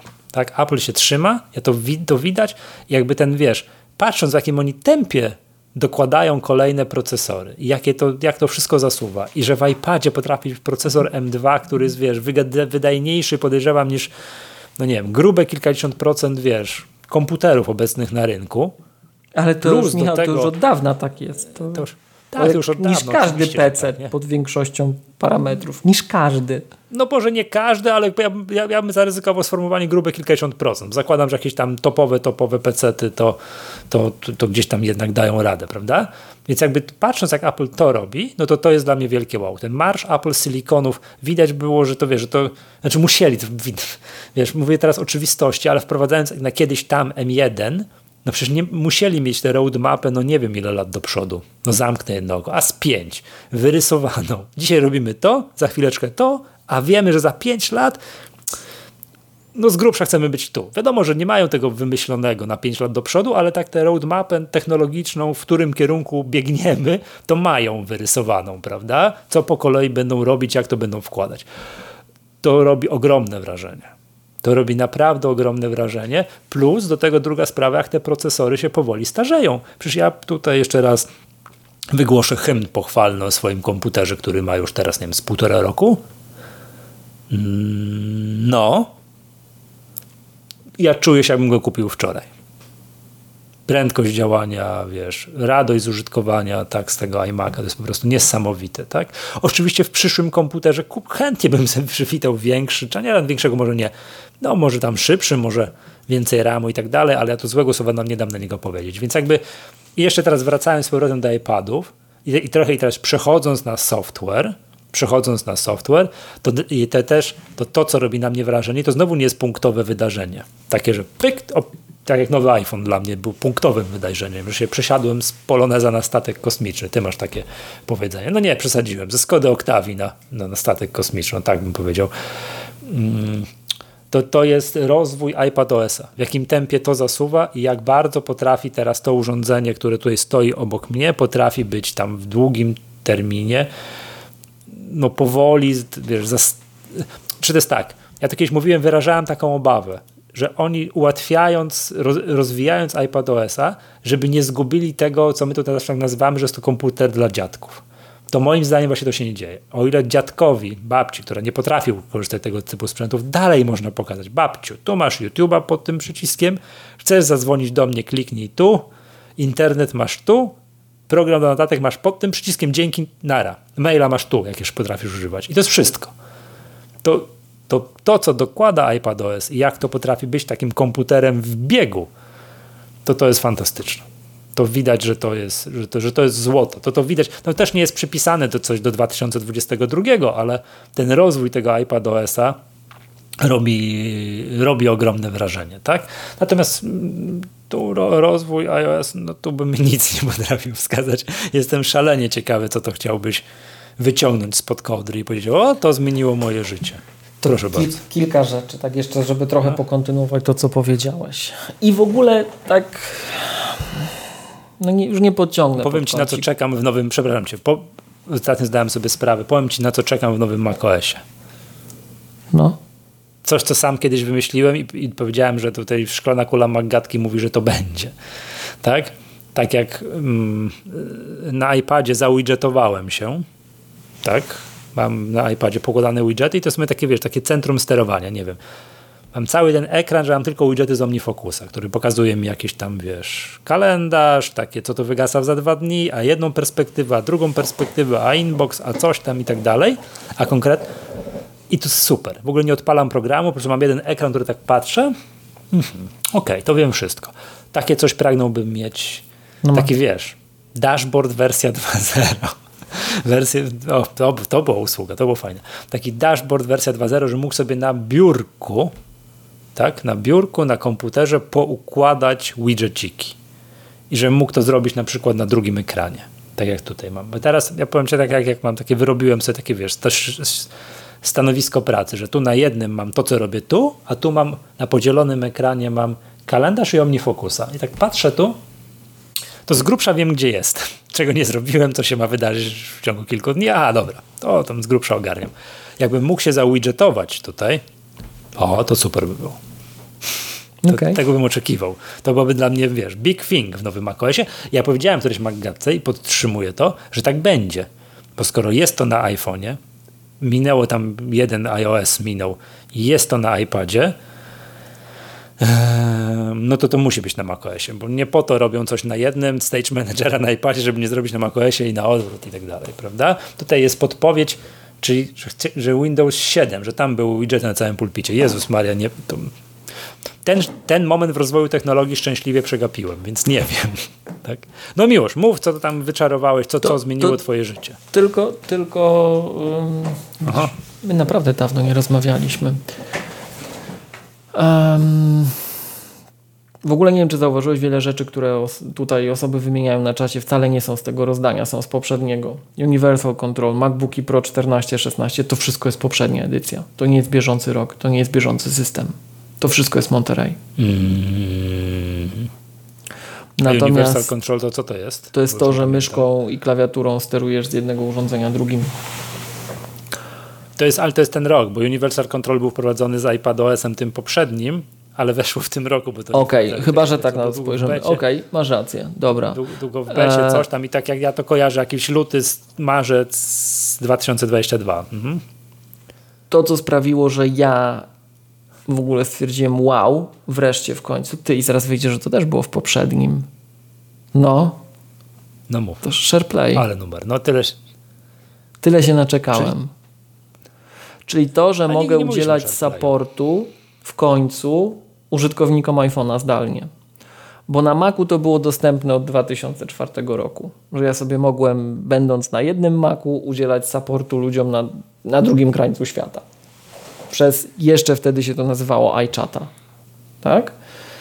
I przez lata to sobie było, było, było, było, a teraz mamy możliwość crossowego udzielania supportu. Czyli mogę sobie na iPhone'ie supportować kogoś z Maca. Nie mogę kontrolować jego urządzenia, ale mamy zestawione połączenie audio i potencjalnie wideo i widzę jego ekran. I to jest rewolucja. Ja na to czekałem latami. To, że ja mogę być z tym iPadem, tak jak mówię, że iPad staje się komputerem on the go mhm. że ja mogę mieć tylko mhm. tego iPada i udzielać supportu użytkownikom Maca, to, to jest niesamowite. To zmieniło moje życie i to jest jedna z takich rzeczy, że jak ci to wskoczy, to momentalnie się przyzwyczajasz, że to tam jest i koniec.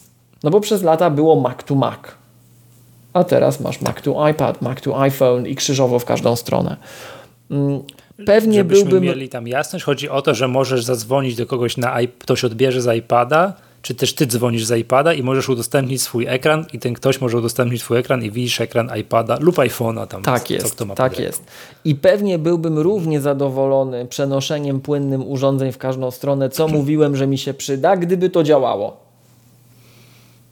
Bo to u mnie mhm. skutecznie nie działa, że jak próbuję to zrobić za każdym razem, trzeba się rozłączyć, połączyć na nowo. Nie przechodzi.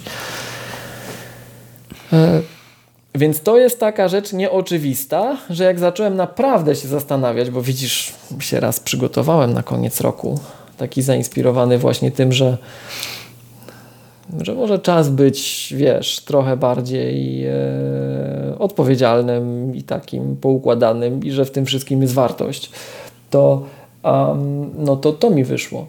Niespodziewanie dla mnie to mi wyszło jako coś, co jest super, tak?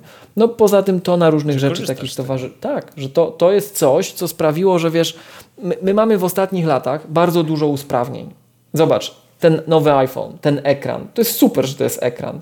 Jak idę pod prysznic, to już nie biorę Apple Watcha. To patrzę na ten, widzę zegarek, widzę, że się spóźniam na ekranie. Nic nie, nie muszę Siri pytać, bo ona czasem mnie nie zrozumie i mi włączy muzykę.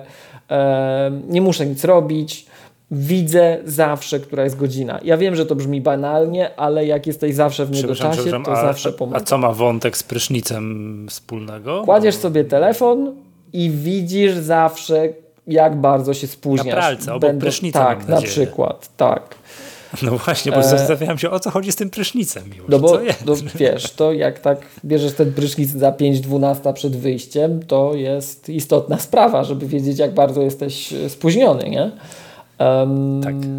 I to, to jest coś, co po to to mam, tak? Słuchawki, no spoko, ale to wszystko są usprawnienia. To wszystko są już, Michał, usprawnienia. Ta platforma jest tak dobra pod wieloma względami, że my musimy takimi małymi rzeczami to robić. I to się zaczęło od Yosemite.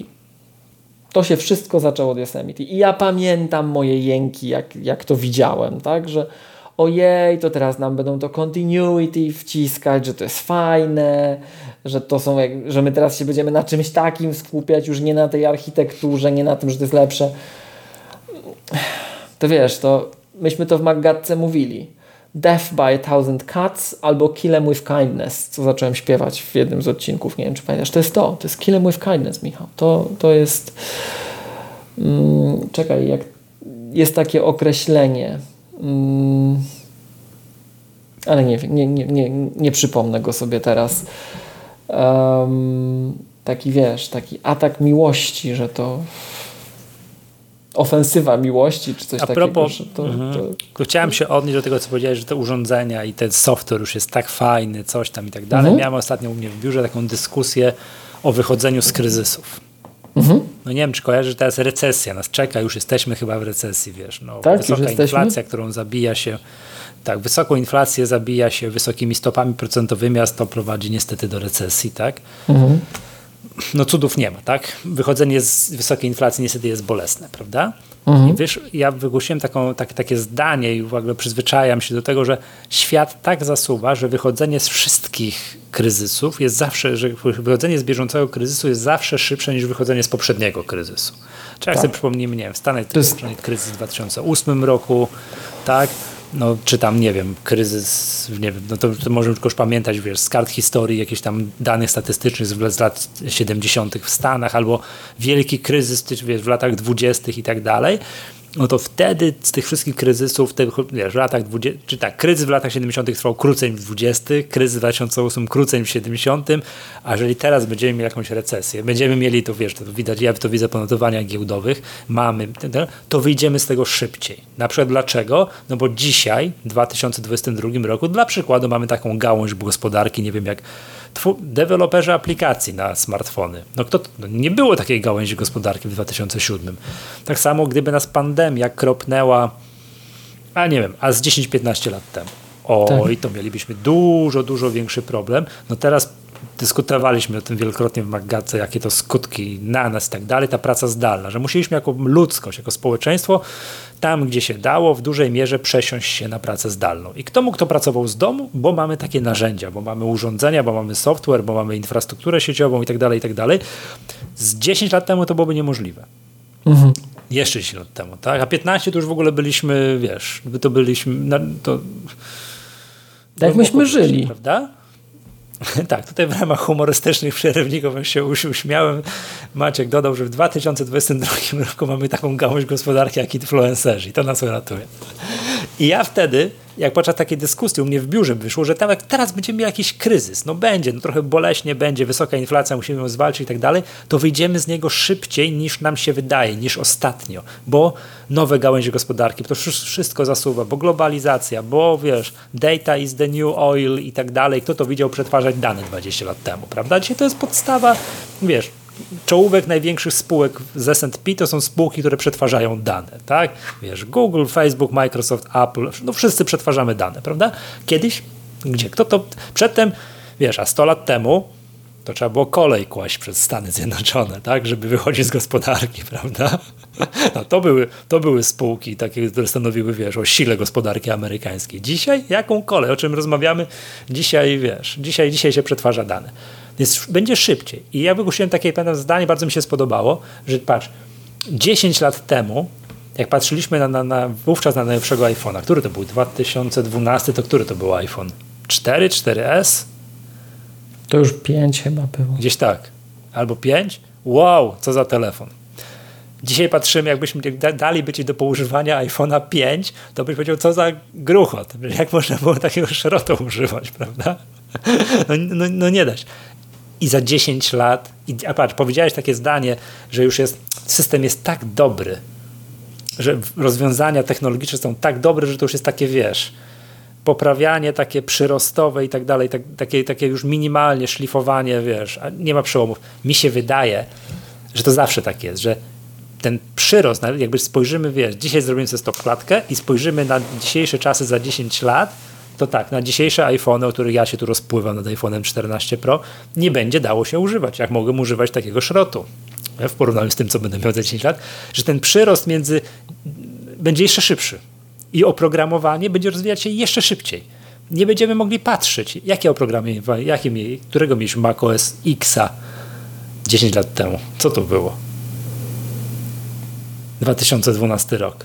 L Mountain Lion? Lion? Mountain Lion, coś tam. Przecież to nic nie umiało. Nie było ekranów Retina. Były, w 2012 nic. już były. No, no, ale nie takie powszechne jak dzisiaj może, nie? No wiem, no iPhone, iPhone 5. Ale Mac już miał. O, tutaj. No tak, już były te, te piętnastki weszły, już pierwsze piętnastki weszły tak. z Retiną i tak dalej. To wciąż patrz, jak popatrz, jak wyglądają tamte sprzęty, a dzisiaj, jak się postęp się dokonał, to śmiem się założyć, że postęp przez kolejne 10 lat będzie bardziej spektakularny niż przez ostatnie 10 lat.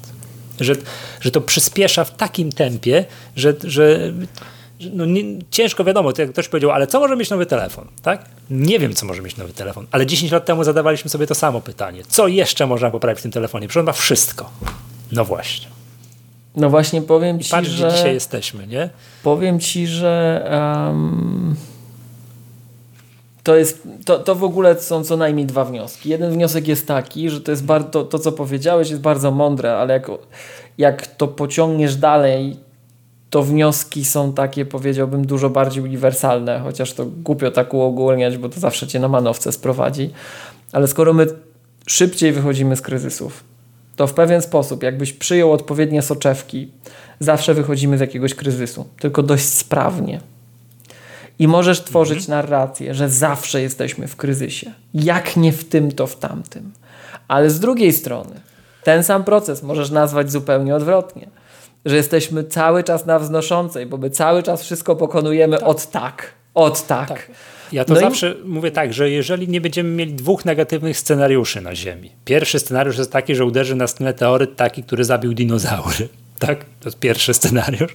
A drugi, nie będziemy mieli wojny, wojny nuklearnej na szeroką skalę, tak? To ludzkość przez kolejne 10-20 lat będzie się rozwijać w tempie, które nam się dzisiaj nie śni, nie? Tam PKB świata się podwaja, nie pamiętam do końca, jest jakieś 20 parę lat, czy coś takiego, nie?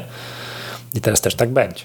To jest to no, jest, mów, wiesz... Chyba, że meteoryt lub chyba, że wojna nuklearna, ale to wtedy będziemy mieli zupełnie inne problemy niż to, czy nowy iPhone jest lepszy od poprzedniego i czy nowy soft jest lepszy od poprzedniego. To, to, jak jest... bardzo, nie? Czy ten postęp jest większy. Przynajmniej już, ja się trochę z tobą zgadzam, że jak ja patrzę na ostatnie wypusty macOSa, to są takie, powiem ci, rewolucji dawno nie było, ale te wszystkie takie, wiesz, better all around, przyrosty, takie mikro, przy, delta przyrosty wokół kolejnych macOSów, jak popatrzysz wiesz, na przestrzeni wielu lat, to robią ogromną różnicę. Trzeba by sobie, wiesz, przesiadać się co pięć systemów. To byś, to byś szoku doznało. Nie? Wiesz, wiesz Jak co? przesiadasz się co system, tu masz Tylko... drobiażdżek, tu continuity, tu coś tam, tu edycja SMS, nie, iMessage. Takie wiesz, niby drobiazgi. A jak sobie pomyślisz, jak ci się to naskłada przez ileś lat, to to jest szok, nie? Ja nie robię tego celowo, bo myśmy przez lata mieli chyba ze dwa czy trzy co najmniej takie momenty, że ja celowo trochę to zrobiłem, ale tym razem nie robię tego celowo. Zupełnie uczciwie. Um, muszę się z Tobą, Michał, nie zgodzić i znowuż odwrócić to, co powiedziałeś. Dlaczego? Bo zobacz. Proszę.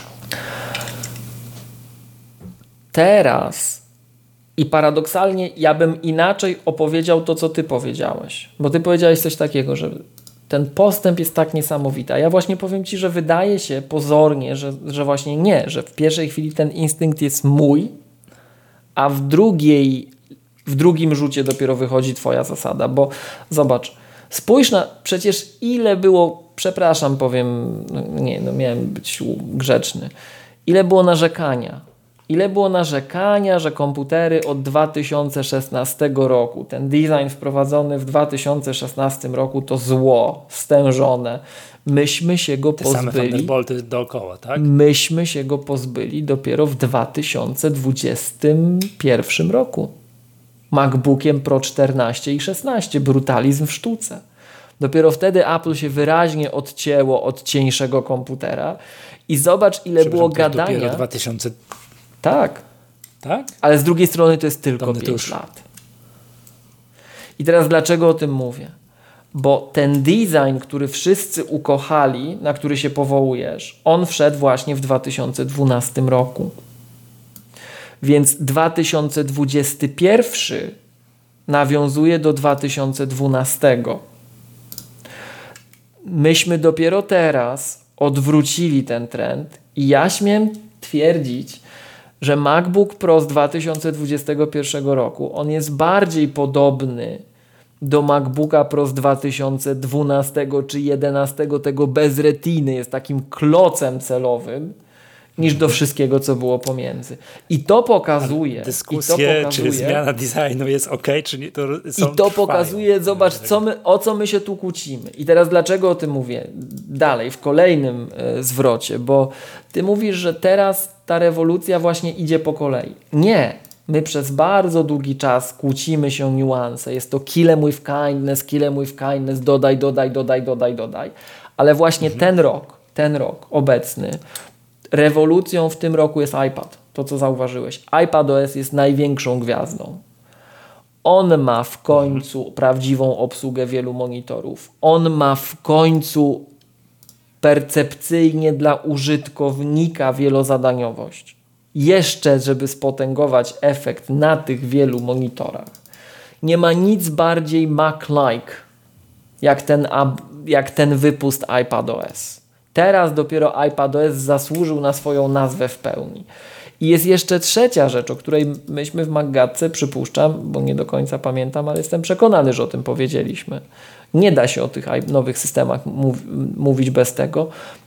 iPad ma w końcu sterowniki do sprzętu zewnętrznego tak, tak, i robiliśmy, robiliśmy to ile?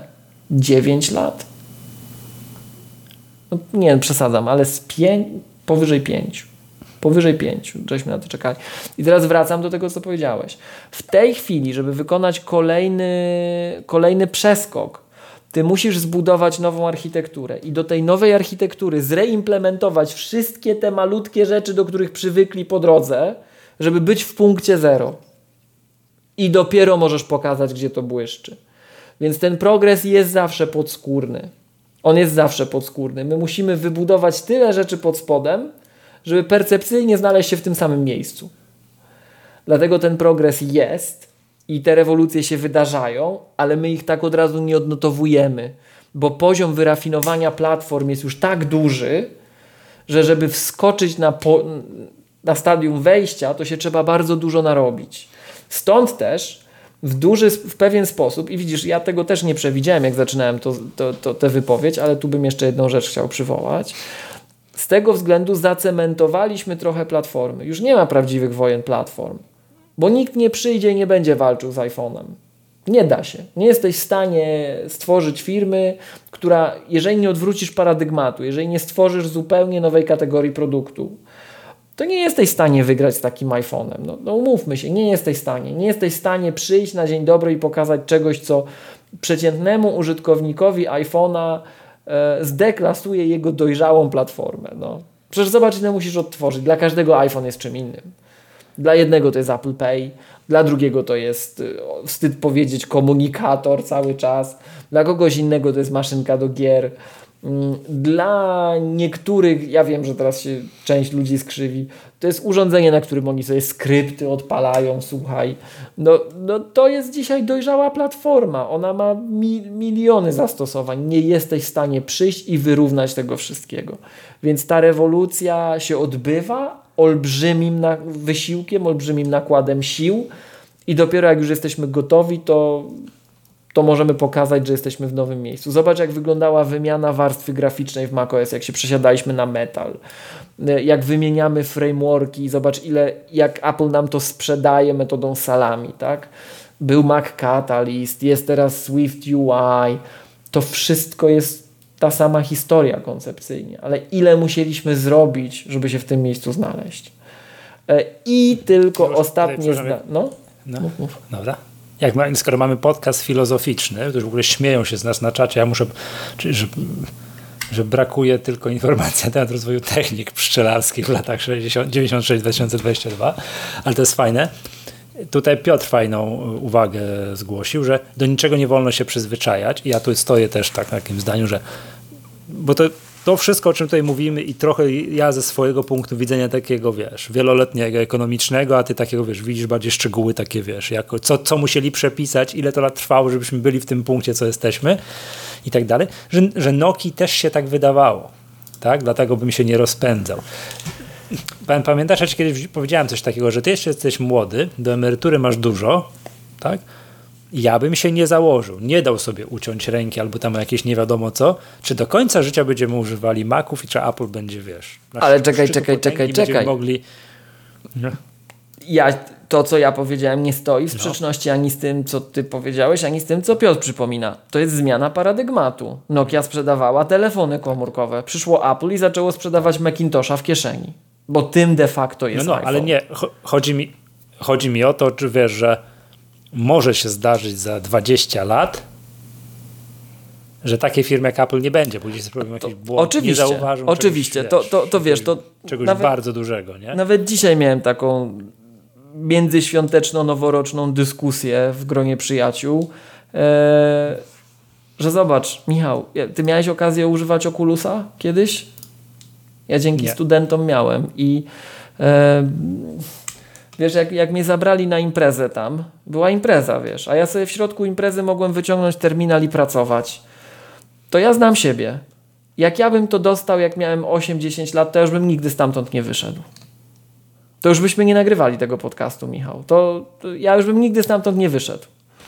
I to jest ta zmiana paradygmatu. Ludzie są łatwo ulegają uzależnieniom od spraw elektronicznych i za naszych czasów też jakby mnie tata nie oderwał od Atari 800 XL, to ja bym się sam nie oderwał.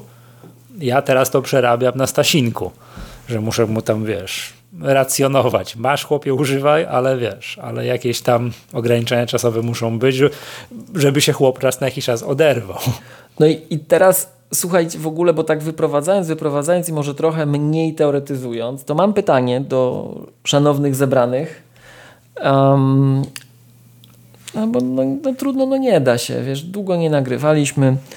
Taki artykuł przeczytałem ostatnio na wyborczej. Tytuł artykułu, skup się. Komisja Europejska będzie mogła ukarać Apple'a nawet na kwotę 80 miliardów dolarów. No to kliknąłem, no bo Apple'a, Komisja Europejska, znowuż. No i czytam, że wchodzi, e, wchodzi regulacja dotycząca, to jest Digital Market, Markets Act, DMA. Dla tych, którzy programowali niskopoziomowo, nazwa ma specjalne znaczenie. E, to jest regulacja dotycząca gatekeeperów, czyli strażników dostępu. I w tymże artykule tutaj się przywołuje, słuchaj, Facebooka i tak dalej, ale są takie argumenty bzdurne. To jest. Już nie będę konkretnych osób, co tutaj się w tym artykule wypowiadają. Jak ktoś sobie przeczyta, polecam to przeczytać. To jest typowy clickbait i szukanie sensacji. No ale czyli będzie mogła, czy nie będzie I mogła? huzia I na za jednego co? Juzia, jak to mówią, mów, klasyk mówił, tak? Natomiast, no słuchaj, jest na przykład taki zapis. I teraz jest pytanie uczciwe, bo ja nie wiem. Mnie się wydaje, że nie, że bzdura, że my jesteśmy, właśnie Apple'owa platforma, iPhone, jest znakiem tego, że nigdy. Zdanie jest takie, posłuchaj.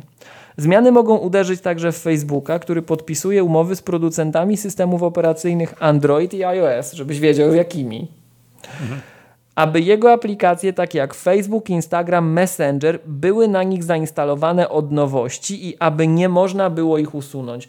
No przepraszam bardzo, bardziej Tak, kłamliwego, bardziej kłamliwego, nieprawdziwego, faktycznie no, no to jest kłamstwo, tu, tu, tu nie ma szarości, to jest to kłamstwo. pisał, nie wiedział, co pisał, no. Tak, to jest celowo zrobione, żeby kłamać, żeby tutaj sensację wzbudzać. Przecież o to chodziło z iPhone'em. Że nikt nie będzie na iPhone'ie śmiecia instalował, nie tutaj konkretnie wymienionych aplikacji, ale żadnych aplikacji. Nie pozwoli Apple żadnemu operatorowi dograć żadnych śmieci, żadnemu vendorowi w ramach jakiejś promki. Nie ma. Wszędzie iPhone jest taki sam i jest taki, jak ma być. No ale widzisz, Michał, jeszcze raz ci zacytuję. Zmiany mogą uderzyć także w Facebooka, który podpisuje umowy z producentami systemów operacyjnych. Dla niewyrobionego czytelnika podpowiadamy Android i iOS, żeby za daleko nie odbiegł intelektualnie, aby jego aplikacje, takie jak Facebook, Instagram, Messenger, były na nich zainstalowane od nowości. Miłosz, I co aby ty mi nie tutaj można na antenie było poważnego podcastu, poważnego podcastu cytujesz? Czy ja klikam w onecie w artykuły pokazała za Ale dużo? przepraszam bardzo, to jest wyborcza Relacjonuję, niby, co tam niby za- zacne źródło, słuchaj. I tytuł artykułu raz jeszcze, Komisja Europejska będzie mogła ukarać Apple'a nawet na kwotę 80 miliardów dolarów. Pomijając już to, że tutaj się prawnik wypowiada w tym artykule, że przecież to jest zła wola Apple'a, że oni nie chcą zintegrować Zooma na przykład z, z iMessage, no, czy z FaceTime. No otóż to nie jest zła wola Apple'a, że on nie chce tego zrobić, tylko są techniczne przeciwwskazania. Poważne. Mhm. A, a propos tego, że Apple czegoś nie chce i tak jak wiesz, dobrze się stało na przestrzeni lat od 2007 roku, że Apple nigdy na to nie zezwoliło. Przecież przed 2007 roku, jak się, rokiem, jak się kupowało telefony, to faktycznie kupowałeś od nie wiem czego, od Orange'a telefon, to ten telefon mógł być tak zrobiony, że tam tapetę miałeś wgraną Orange'a i coś tam jeszcze, no jakieś taka w ogóle jakaś absurdalna rzecz. Nie? No ale właśnie to ja ci. I Bo tak dalej. ja, ja jestem nie na bieżąco, ale wedle tego, co ja się orientuję, to dzisiaj też tak jest. Kupujesz smartfona z tym systemem Android od operatora i on tam ma wgrane Tym drugim, różne no. rzeczy. No. Z tym Jest, dla niezorientowanych słuchaczy my w nawiasie mówimy Android i tam tak jest. Mhm. Z tego, co ja wiem, to tak. E, No. Ale operatora czy konkretnego producenta? Bo to, że nie wiem, jak kupuję telefon od Samsunga, to tam jest Nie, nagra- no, jakaś A nakładka to, to, Samsung. pewnie, to pewnie też tak to- może być, że to się pewnie dogadują. tak. Pewnie tak, ale czy jak kupuję telefon od Orange'a, czy czegoś tam innego operatora, czy mam, wiesz, czy od Plusa, to mam coś plusowego wgranego, to już mi się wydaje, że chyba nie. No właśnie, No, czekaj, czekaj, nie. czekaj, bo tu tak się, tu się A na czacie dobrze, pojawia informacja, stało. Nie wiem czy widziałeś, No. że w Polsce na pewnym etapie Plus sprzedawał brandowane iPhony. Jak to jest możliwe? No, Co oni otwierali, się konfigurowali? brandowane? Nie wiem, to nie. No plus Wgrywali konfigurację przez dystrybucję. Ja, jak? Jak iPhone Plus już w końcu ma chyba oficjalną dystrybucję, ma. dystrybucję iPhone'a, tak, tak dalej. Tak. Pimposz podpowiada, że tak, że operatorzy brandują i dodają swój bloatware, tak. Ja w ogóle, przepraszam, to robię małą przery, prze, przerywkę, tutaj przerwę dla osób, które słuchają nas w podcaście audio, że ja gorąco zachęcam, żeby przystąpić do klubu Magatka Plus, no bo to, to, co tu się dzieje na czacie, to jest hit.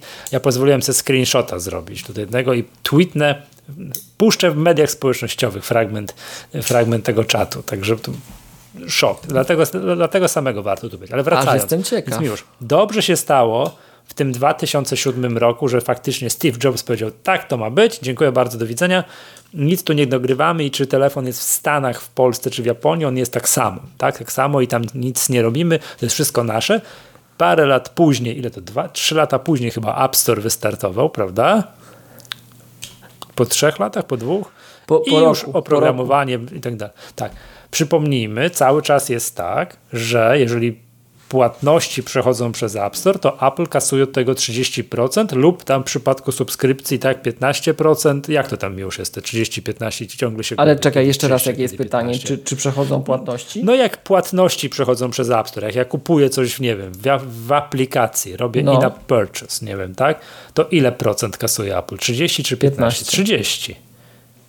30 na dzień dobry. Po roku albo po osiągnięciu określonego obrotu w 15 wpadasz. 15. No tak. dokładnie. To tak jest, nie? Realnie a, dla a każdego dużego gracza wojna? 15.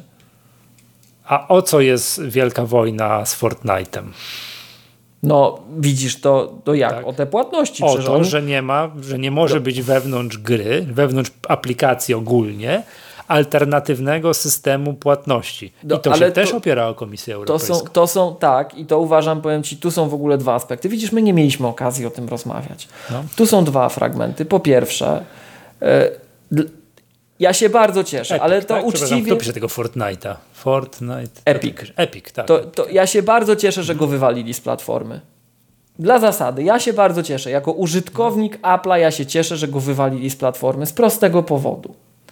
Ta platforma ma swoje unikatowe cechy, bo Apple wkłada olbrzymi wysiłek organizacyjny, prawny, techniczny, każdy. To bo to nie jest technologia. To, działało, to, jest tak daleko, to jest daleko od technologii. Żeby to było pociągające dla dewelopera i bezpieczne dla konsumenta. Tylko dlatego Epic chce tu być, bo tu są pieniądze a tylko dlatego Oczywiście. tu są pieniądze, bo ta infrastruktura tu jest i ponad 90% aplikacji jest za darmo. I jak chcesz tutaj korzystać i zarabiać, to takie są warunki. Jak ci się nie podoba, to idź sobie na inną platformę, bo jeszcze jest. I dlaczego tak tam tak chcesz być tutaj, skoro tu jest tak źle? No, to jest trochę tak jak w niektórych naiwnych dyskusjach o podatkach, że chcielibyśmy mieć usługi jakieś społeczne, a nic za to nie płacić, bo nam się należy. Otóż nie należy się i nic się nie bierze z powietrza. I ten ekosystem jest utrzymywany, nie musisz w nim żyć, możesz sobie wybrać inny i idź tam sobie. A teraz te, te właśnie próby zmuszenia Apple'a do tego, żeby stworzył jakieś możliwości tego sideloadingu, moim zdaniem się to, moim prywatnym zdaniem, się to odbije bardzo negatywnie, bardzo negatywnie na poziomie bezpieczeństwa to platformy. To nie jest sideloading. To nie, tu, tu nie chodzi o to sideloading taki, że a dograjmy se ekstra coś. Nie, nie, nie, nie tak Michał, czekaj, czekaj, czekaj, ale argumentem prawnym przed sądem, grze, nie, argu, nie argumentem, jak gdyby dyskusja w sądzie dryfuje w tę stronę, że Apple właśnie jest nadzorcą iPhone'a i nie pozwala wgrywać, że, nie, że Epic by sobie swój sklep założył, sam by dystrybuował całość, wszystko, tak, ale to, Apple nie tak, pozwala. Tak, to też nie pozwala. No i nie, to, nie pozwala to. I mhm.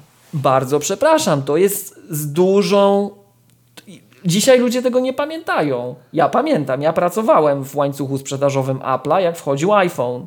Ja pamiętam, jak mi ludzie w Polsce płakali praktycznie w rękaw, że to jest cud, to urządzenie to jest cud, bo im się PC uginający pod malwarem włącza 3 minuty, a oni tego iPhone'ika pykają i to jest bezpieczne i tu jest wszystko i oni nie myśleli, że kiedykolwiek takie urządzenie komputerowe w ręku będą trzymali. Dlatego iPad był takim cudem. Bo był bezpieczny, nie miał malware'u I to jest tylko dlatego dostępne. Niektórzy płakali w rękaw, że tam nie ma systemu plików i oni jak coś robi, to nie mogą z tym poorganizować i tak dalej. No, to ci bardziej zaawansowani, tak, tak. To notabene tutaj tak, tak. iPadOS 16 i iOS 16 też błyszczy. Przypomnijmy, proxy icons wchodzą i file manager jest przebudowany, ale e, i to jest doskonałe dopełnienie tych zmian, o których mówiliśmy, ale fakt, długo na to czekaliśmy, no bo zobaczcie, iOS 16 i iPadOS 16, o czym my tu mówimy, tak? Natomiast to uważam, że to jest takie, to trzeba widzieć, trzeba widzieć całą złożoność tej sytuacji, no, a nie taki prostacki argument, że e, bo oni tu chcą pieniądze albo oni na coś nie pozwalają. No, no tak działa świat. Zupełnie uczciwie. No teraz, przepraszam, będę wredny. Zbudujcie sobie platformę i sobie zróbcie. Zobaczymy, czy to się tak łatwo da osiągnąć. Tak. Tak, no ale to tak. Przypomnijmy, case, przypomnijmy, przypomnijmy, że był taki case, że Microsoft nawet kupiwszy Nokię, którą tu dzisiaj wymienialiśmy, chciał stworzyć platformę działającą mobilną i co i się nie udało. I to spłonęło w tak spektakularny stworzył, sposób. ale czy no... Nie, nie, nie Michał, tak, ale no. działającej nie stworzył. Umówmy się, działającej nie stworzył działającej w takim sensie, żeby była dla tego epika i dla tych użytkowników pociągająca, nie stworzył. Ja byłem ja swego czasu. Tak, stworzył taką, która nie osiągnęła wystarczającego sukcesu komercyjnego uzasadniającego jego dalsze istnienie. Widzisz, to nie ja, tego, ja tego kompletnie nie przewidziałem, ale to jest dokładnie potwierdzenie tego, do czego, co myśmy wymienili w tej rozmowie wcześniej. Ja byłem swego czasu zaproszony na szkolenie Microsoftu e, jako deweloper konkurencyjny, żeby zobaczyć, że Microsoft wprowadza taką rewolucyjną platformę. I to był właśnie przykład tego, o czym my tu dzisiaj powiedzieliśmy, Michał, że żeby dołączyć do tej gry i to wiele lat wcześniej, na etapie właśnie iPhone'a tam 5, 5S, żeby dołączyć do tego wyścigu, ty musisz wykonać tak olbrzymią ilość pracy, że jak taki gracz jak Microsoft, mając zasoby swoje i Noki, chciał dołączyć do tego wyścigu, to ja pamiętam jak to wyglądało. Słuchaj, siedzieliśmy my z K7, jeszcze jeden podmiot, który widzia, by, było widać, że on siedzi w tych ekosystemach zaawansowanych i taka, taka chmara deweloperów Windowsowych, którzy siedzą na co dzień w korpo i piszą w dotnecie. I goście z Microsofta robili, z Microsoftu robili hype, że zobaczcie, mamy mapy, Michał, mamy mapy i te mapy namierzają, gdzie to urządzenie jest, rozumiesz? Masz mapę i ta mapa wie, gdzie ty jesteś na świecie. No i to oni się, i to wiesz, i to, pamiętasz tą reklamę 1984, że siedzą takie zombie i tak potakują, tak. nie? To tak to wyglądało. Słuchaj Michał, mamy mapy. My mieliśmy iPhone'a 5S, a oni mieli mapy, rozumiesz? No i my zada zaczęliśmy zadawać pytanie, czy mają wsparcie dla Resolution Independence, czy mają Retinę, czy mają to i się okazywało, że nic nie ma. Z tego nic nie ma, ale Michał, mamy mapy. Rozumiesz, mamy mapy. I mamy mobilny system i mamy mapy. No, fakt, że to było bardzo wcześnie, ale to pokazywało, że jak przychodzisz jako taki duży gracz, to nie jesteś w stanie być szybko na równi z dotychczasowymi incumbent, jak tymi zagnieżdżonymi już graczami. Więc jak teraz Epic mówi, że przez te wszystkie lata, żeby to stworzyć, żeby to się nie połamało, nie zepsuło i tak dalej, to jest takie hop siup, to ja jestem daleki od tego, bo ja widzę, ile trzeba wysiłku, jeszcze raz podpowiem, poza technologicznego prawnego, takiego stymulowania tego rynku, poukładania, dbania o te zasady, żeby to działało. Ja rozumiem też argumenty drugiej strony, ale akurat nie Epic, tylko takich graczy publicznych, jak Komisja Europejska, tak? Że skoro to już jest infrastruktura powszechna, to prawda, to tutaj powinny pewne jakieś takie cywilizowane zasady obowiązywać. Ja się z tym zgadzam. To jest dzisiaj element tkanki społecznej który musi gwarantować pewne cywilizowane standardy funkcjonowania, ale ja akurat uważam, zupełnie prywatnie, że to, w jaki sposób Apple potrafi ten balans znaleźć między tym, co jest, co jest dobre, e, i tym, co później przyciąga ten cały biznes, to, to jest godne uznania. Już tam palicho całe te technologie, ale to w jaki sposób oni tym zarządzają koncepcyjnie, to jest super sprawa. Tak? Um, i myśmy nigdy tej dyskusji nie mieli chyba tutaj. Nie wiem, czy pamiętasz, jak Apple wprowadziło w 2018 roku MacBooka Air z Retiną. To była taka reklama pokazująca go, że to jest pierwszy komputer Apple'a, który ten, to obudowę już, ten rdzeń tego komputera, on jest w całości robiony z odpadów.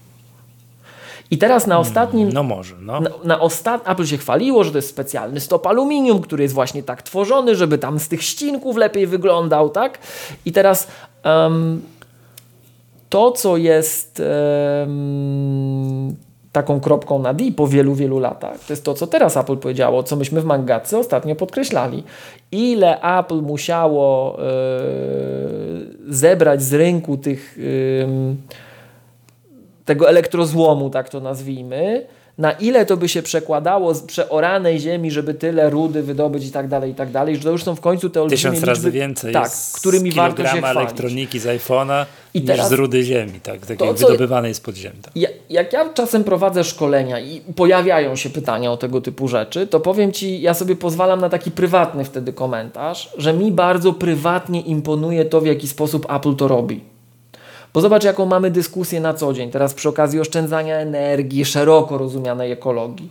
My, my bardzo często wpadamy w taki dysonans, że to ta technologia y, oszczędna, czy ekologiczna, czy dobra z jakiegokolwiek powodu, ona musi nas boleć w inny sposób. No musi, no nie ma siły, musi boleć, tak? A zobacz, jak Apple to robi. Apple tworzy warunki i tak trzeba kombinować i tu jest ta maestria i jak ktoś mi na takiej zasadzie pokaże kontrargumenty, to ja je chętnie przyjmę. Ale rzadko widzę, żeby się takie coś pokazywało. Każdy widzi tylko ten fragment, który chce widzieć, nie rozumiejąc, że nieodłącznym elementem tego układu są te koszty. Apple potrafi stworzyć systemy w sposób samonapędzający się i samobalansujący się. To dotyczy MDM-ów, to dotyczy ekosystemu deweloperskiego, to dotyczy ekosystemu treningowego, wdrożeniowego. Oni tworzą system, ekosystemy samobalansujące się. I jak masz, to jest organizacyjnie z punktu widzenia, wiesz, zarządzania, teorii zarządzania, to jest geniusz, tam palicho technologię.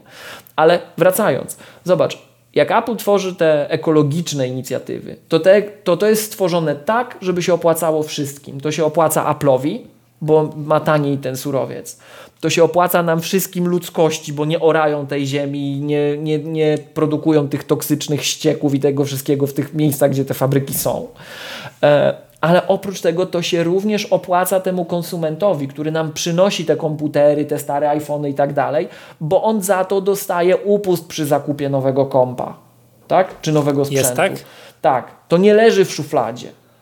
To jest genialne, to się wszystkim opłaca i to jest kluczowy element. Tak zbudować tę narrację, tę historię, żeby wszystkim się opłacało. I wracając do tego Epika, to dla mnie Epic jest takim typowym no. cwaniaczkiem. Jest zbudowane tak, że się wszystkim opłaca. Naprawdę, jak zapytasz dewelopera, który ma taką pamięć instytucjonalną, żeby pamiętać, jak przez, przed App Store to działało, ile kosztowała dystrybucja oprogramowania, że taki gracz jak K7 nigdy w życiu, ej, my dzięki Apple'owi i na tym się nasza firma zbudowała, że my dzięki firmie Apple, dzięki ekosystemowi App Store, my jesteśmy w stanie sprzedawać aplikacje w ponad 200 krajach i terytoriach na planecie. My jesteśmy globalną firmą, która ma kilka osób, jeśli chodzi o dystrybucję software'u. Nigdy w życiu byśmy nie stworzyli tego przede wszystkim od strony podatkowej, żebym ja to mógł normalnie sprzedawać na każdym z tych rynków. A, Apple to za nas załatwia. bo ty jesteś malutkim deweloperem. Dokładnie. A Epic to jest gigant, to jest organizacja. Oni no ale czekaj, czekaj, czekaj, uwagę, czekaj, czekaj. Że cała masa graczy, czekaj, cała masa graczy wycofała się w ogóle. Nie możesz kupić przez App Store. Przykład, no nie ma Netflix, tak? Mm, nie możesz sobie zasubskrybować Netflixa przez, no nie wiem, z urządzenia. Musisz to zrobić przez stronę internetową, a na urządzeniu tylko login i hasło. Oni chcą korzystać z dobrodzi, z tego, że Ale nie chcą Netflixa ponosić kosztów. Za inst...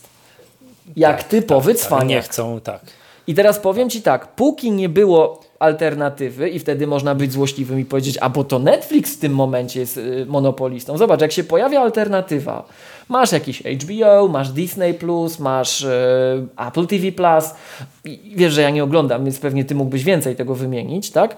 Ale jak masz alternatywę, to teraz pytanie, jak dużo rynku traci Netflix przez to, tak, że ten tak, proces rejestracji tak, jest kiepski, skoro on już nie jest monopolistą i jest alternatywa. I teraz wracając do tego, tak. no bo jestem, każdy chce... Jestem bardzo ciekaw tych takich badań, bo teraz Netflix, nie wiem, czy czytasz newsy, tak powiem, no już mówiłem. Walczy z dzieleniem się odcinku, dostępem, tak?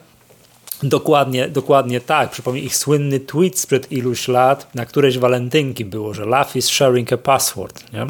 Jest taki, że wtedy zachęcali, to, to w ogóle jeszcze, ze znajomymi. To w ogóle jeszcze A teraz nie, ale rzecz. czekaj, i teraz, No. a teraz są zupełnie inne czasy, bo kurs Netflixa jest w piwnicy, tam oni mają problem z jakimiś tam dynamikami, tak, dynamikami sprzedaży i tak dalej. No i teraz, wiesz, Netflix próbuje dokonać niemożliwego i, i ograniczyć te, te, te, te, mm, no, to dzielenie się tymi hasłami. Ale ja jestem bardzo ciekawy tego, czy taki właśnie duży gracz, rozpoznawalny, takie właśnie jak, na przykład jak Netflix, ile on traci na tym, że ja nie mogę znudzony na kanapie się, się, usiąść i tak, a kliknę sobie tego Netflixa na, na miesiąc. Pyk, dziękuję, zasubskrybowałem, nie? To jest- I jak robisz to przez App Store, to unsubscribe to jest jeden klik, odsubskrybowałem, nie? I to jest ultra proste. Jak masz to poza App Storem, to zaczyna to dla mnie być skomplikowane. Tak. Nie ukrywam tego, nie? Ale- No i ja jestem ciekaw, czy jest jakieś,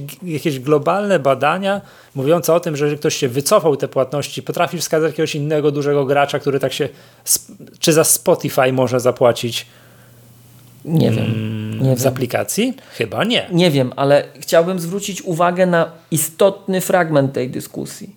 Bo zobacz, ty zacząłeś intelektualnie wędrować w tę stronę, że a bo oni to by chcieli sobie zrobić. Nieprawda. Gdyby iPhone był taką platformą jak, nie wiem, jakiś Nintendo albo coś takiego, gdzie są tylko gracze, to on to nie byłby tak fajną platformą. Przypomnijmy, Apple się zbliża do 2 miliardów aktywnych urządzeń na planecie. I czy taki człowiek Spotify jak ja. Czy taki człowiek jak ja jest przypadkowo wyeksponowany i narażony na tę możliwość, że on w ogóle tego Netflixa, czy tego wcześniej tej gry Epika zasmakuje, dlatego że on szuka gry Epika albo Netflixa? Nie. Ja używam iPhone'a zupełnie z innego powodu. I dlatego ten rynek jest wartościowy. Bo ci ludzie używają tej platformy z różnych powodów, a przez to są równocześnie potencjalnymi klientami. Gdyby sobie każdy duży gracz, Netflix zrobił swój hardware, Epic zrobił swój hardware do gier, to one by nie były tak fajne, bo nie byłoby tak dużej, tak dużej puli potencjalnych nowych klientów, które są one click away od tego, żeby zasubskrybować to jest zawsze kwestia alternatywy. Alternatywą wcale nie jest to, że oni mieliby taki ekosystem za darmo, jakby to sobie sami zrobili. Alternatywą jest to, że mieliby dużo mniejszy ekosystem. Już pomijając tą całą resztę, za tylko to Apple ma prawo za żądać zapłaty, moim zdaniem. A jak się nie podoba, to sobie idźcie na alternatywną platformę, no albo zbudujcie. Dobrze, już, bo mieliśmy mówić o podsumowaniach 2022 roku, a zdryfowaliśmy na Epic, No właśnie, ja nie wiem jak. Netflixa. To od SharePlaya się też się nie da zaczęło. zapłacić. Też się nie da, nie da się zapłacić. Jest cała masa takich tych, których się nie da zapłacić przez tego. Przypomnijmy dyskusję taką, czy wolisz zapłacić za aplikację X przez App Store, czy identyczną cenę zapłacić przez stronę deweloperowi. Ja wolę przez App Store. A ja powiem Ci różnie.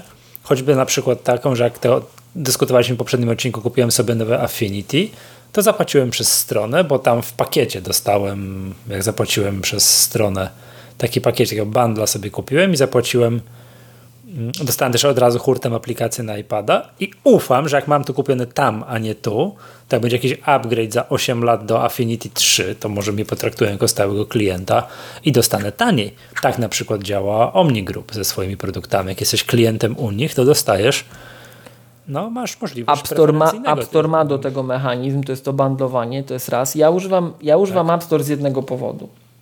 Dlatego tak powiedziałem. E, oczywiście są sytuacje, w których jest to dla mnie korzystniejsze jako dla klienta. Na przykład jak masz e, od Panika Transmit, to zobacz, że przez App Store możesz kupić tylko i wyłącznie abonament, a przez stronę możesz kupić lifetime, e, tą taką dożywotnią licencję na daną linię. To, to jest ok, tak? Ale zobacz, że to jest decyzja prawno-rynkowa, prawno-marketingowa dewelopera. Tak?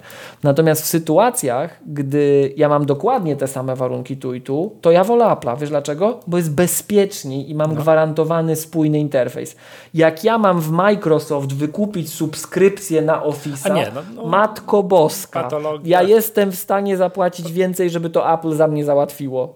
Jak najdalej. Oczywiście patologii kup kupowania czegoś w Microsoftie albo w Adobe, no to dyskutowaliśmy tutaj nieraz. No już, wróćmy bo nas w ogóle, to komentarz, to kolejny komentarz, dla którego warto być klubem warto. moim zdaniem. Macie wpływ wtedy warto, na audycję. Nikt już nie ma wątpliwości, że nikt nie kontroluje logiki podcastu. Znaczy nie tylko ciągu logicznego, że to jest o czymś po kolei, tak, tak, no to jest oczywiste, że to nikt tego nie kontroluje, ale to chyba nie od dzisiaj wiadomo. Nie? Także tak. Wiesz co, ja po, prostu, ja po prostu mam no. wrażenie, że my dzisiaj za mało obrażamy istotnie. Tak jakbyśmy kogoś tu obrazili, to zaraz by się tutaj społeczność ożywiła, że o, w końcu wrócili do starego, dobrego formatu. Mhm. Z rzeczy, przepraszam cię, takich dużych rzeczy już poza makowo-aplowym takim światem naszym, którym my tu widzimy i tak dalej, zwracamy uwagę, to ja bym ja bym nagłośnił duże wydarzenie technologiczne ze świata technologii, że Elon Musk kupił Twittera i wycofał go z giełdy. To, że go tam wycofał z giełdy, to jest palnicho, to, to, to, to, to, to nieważne, ale to, co on tam robi, no to o matko boska. Nie, no tak to.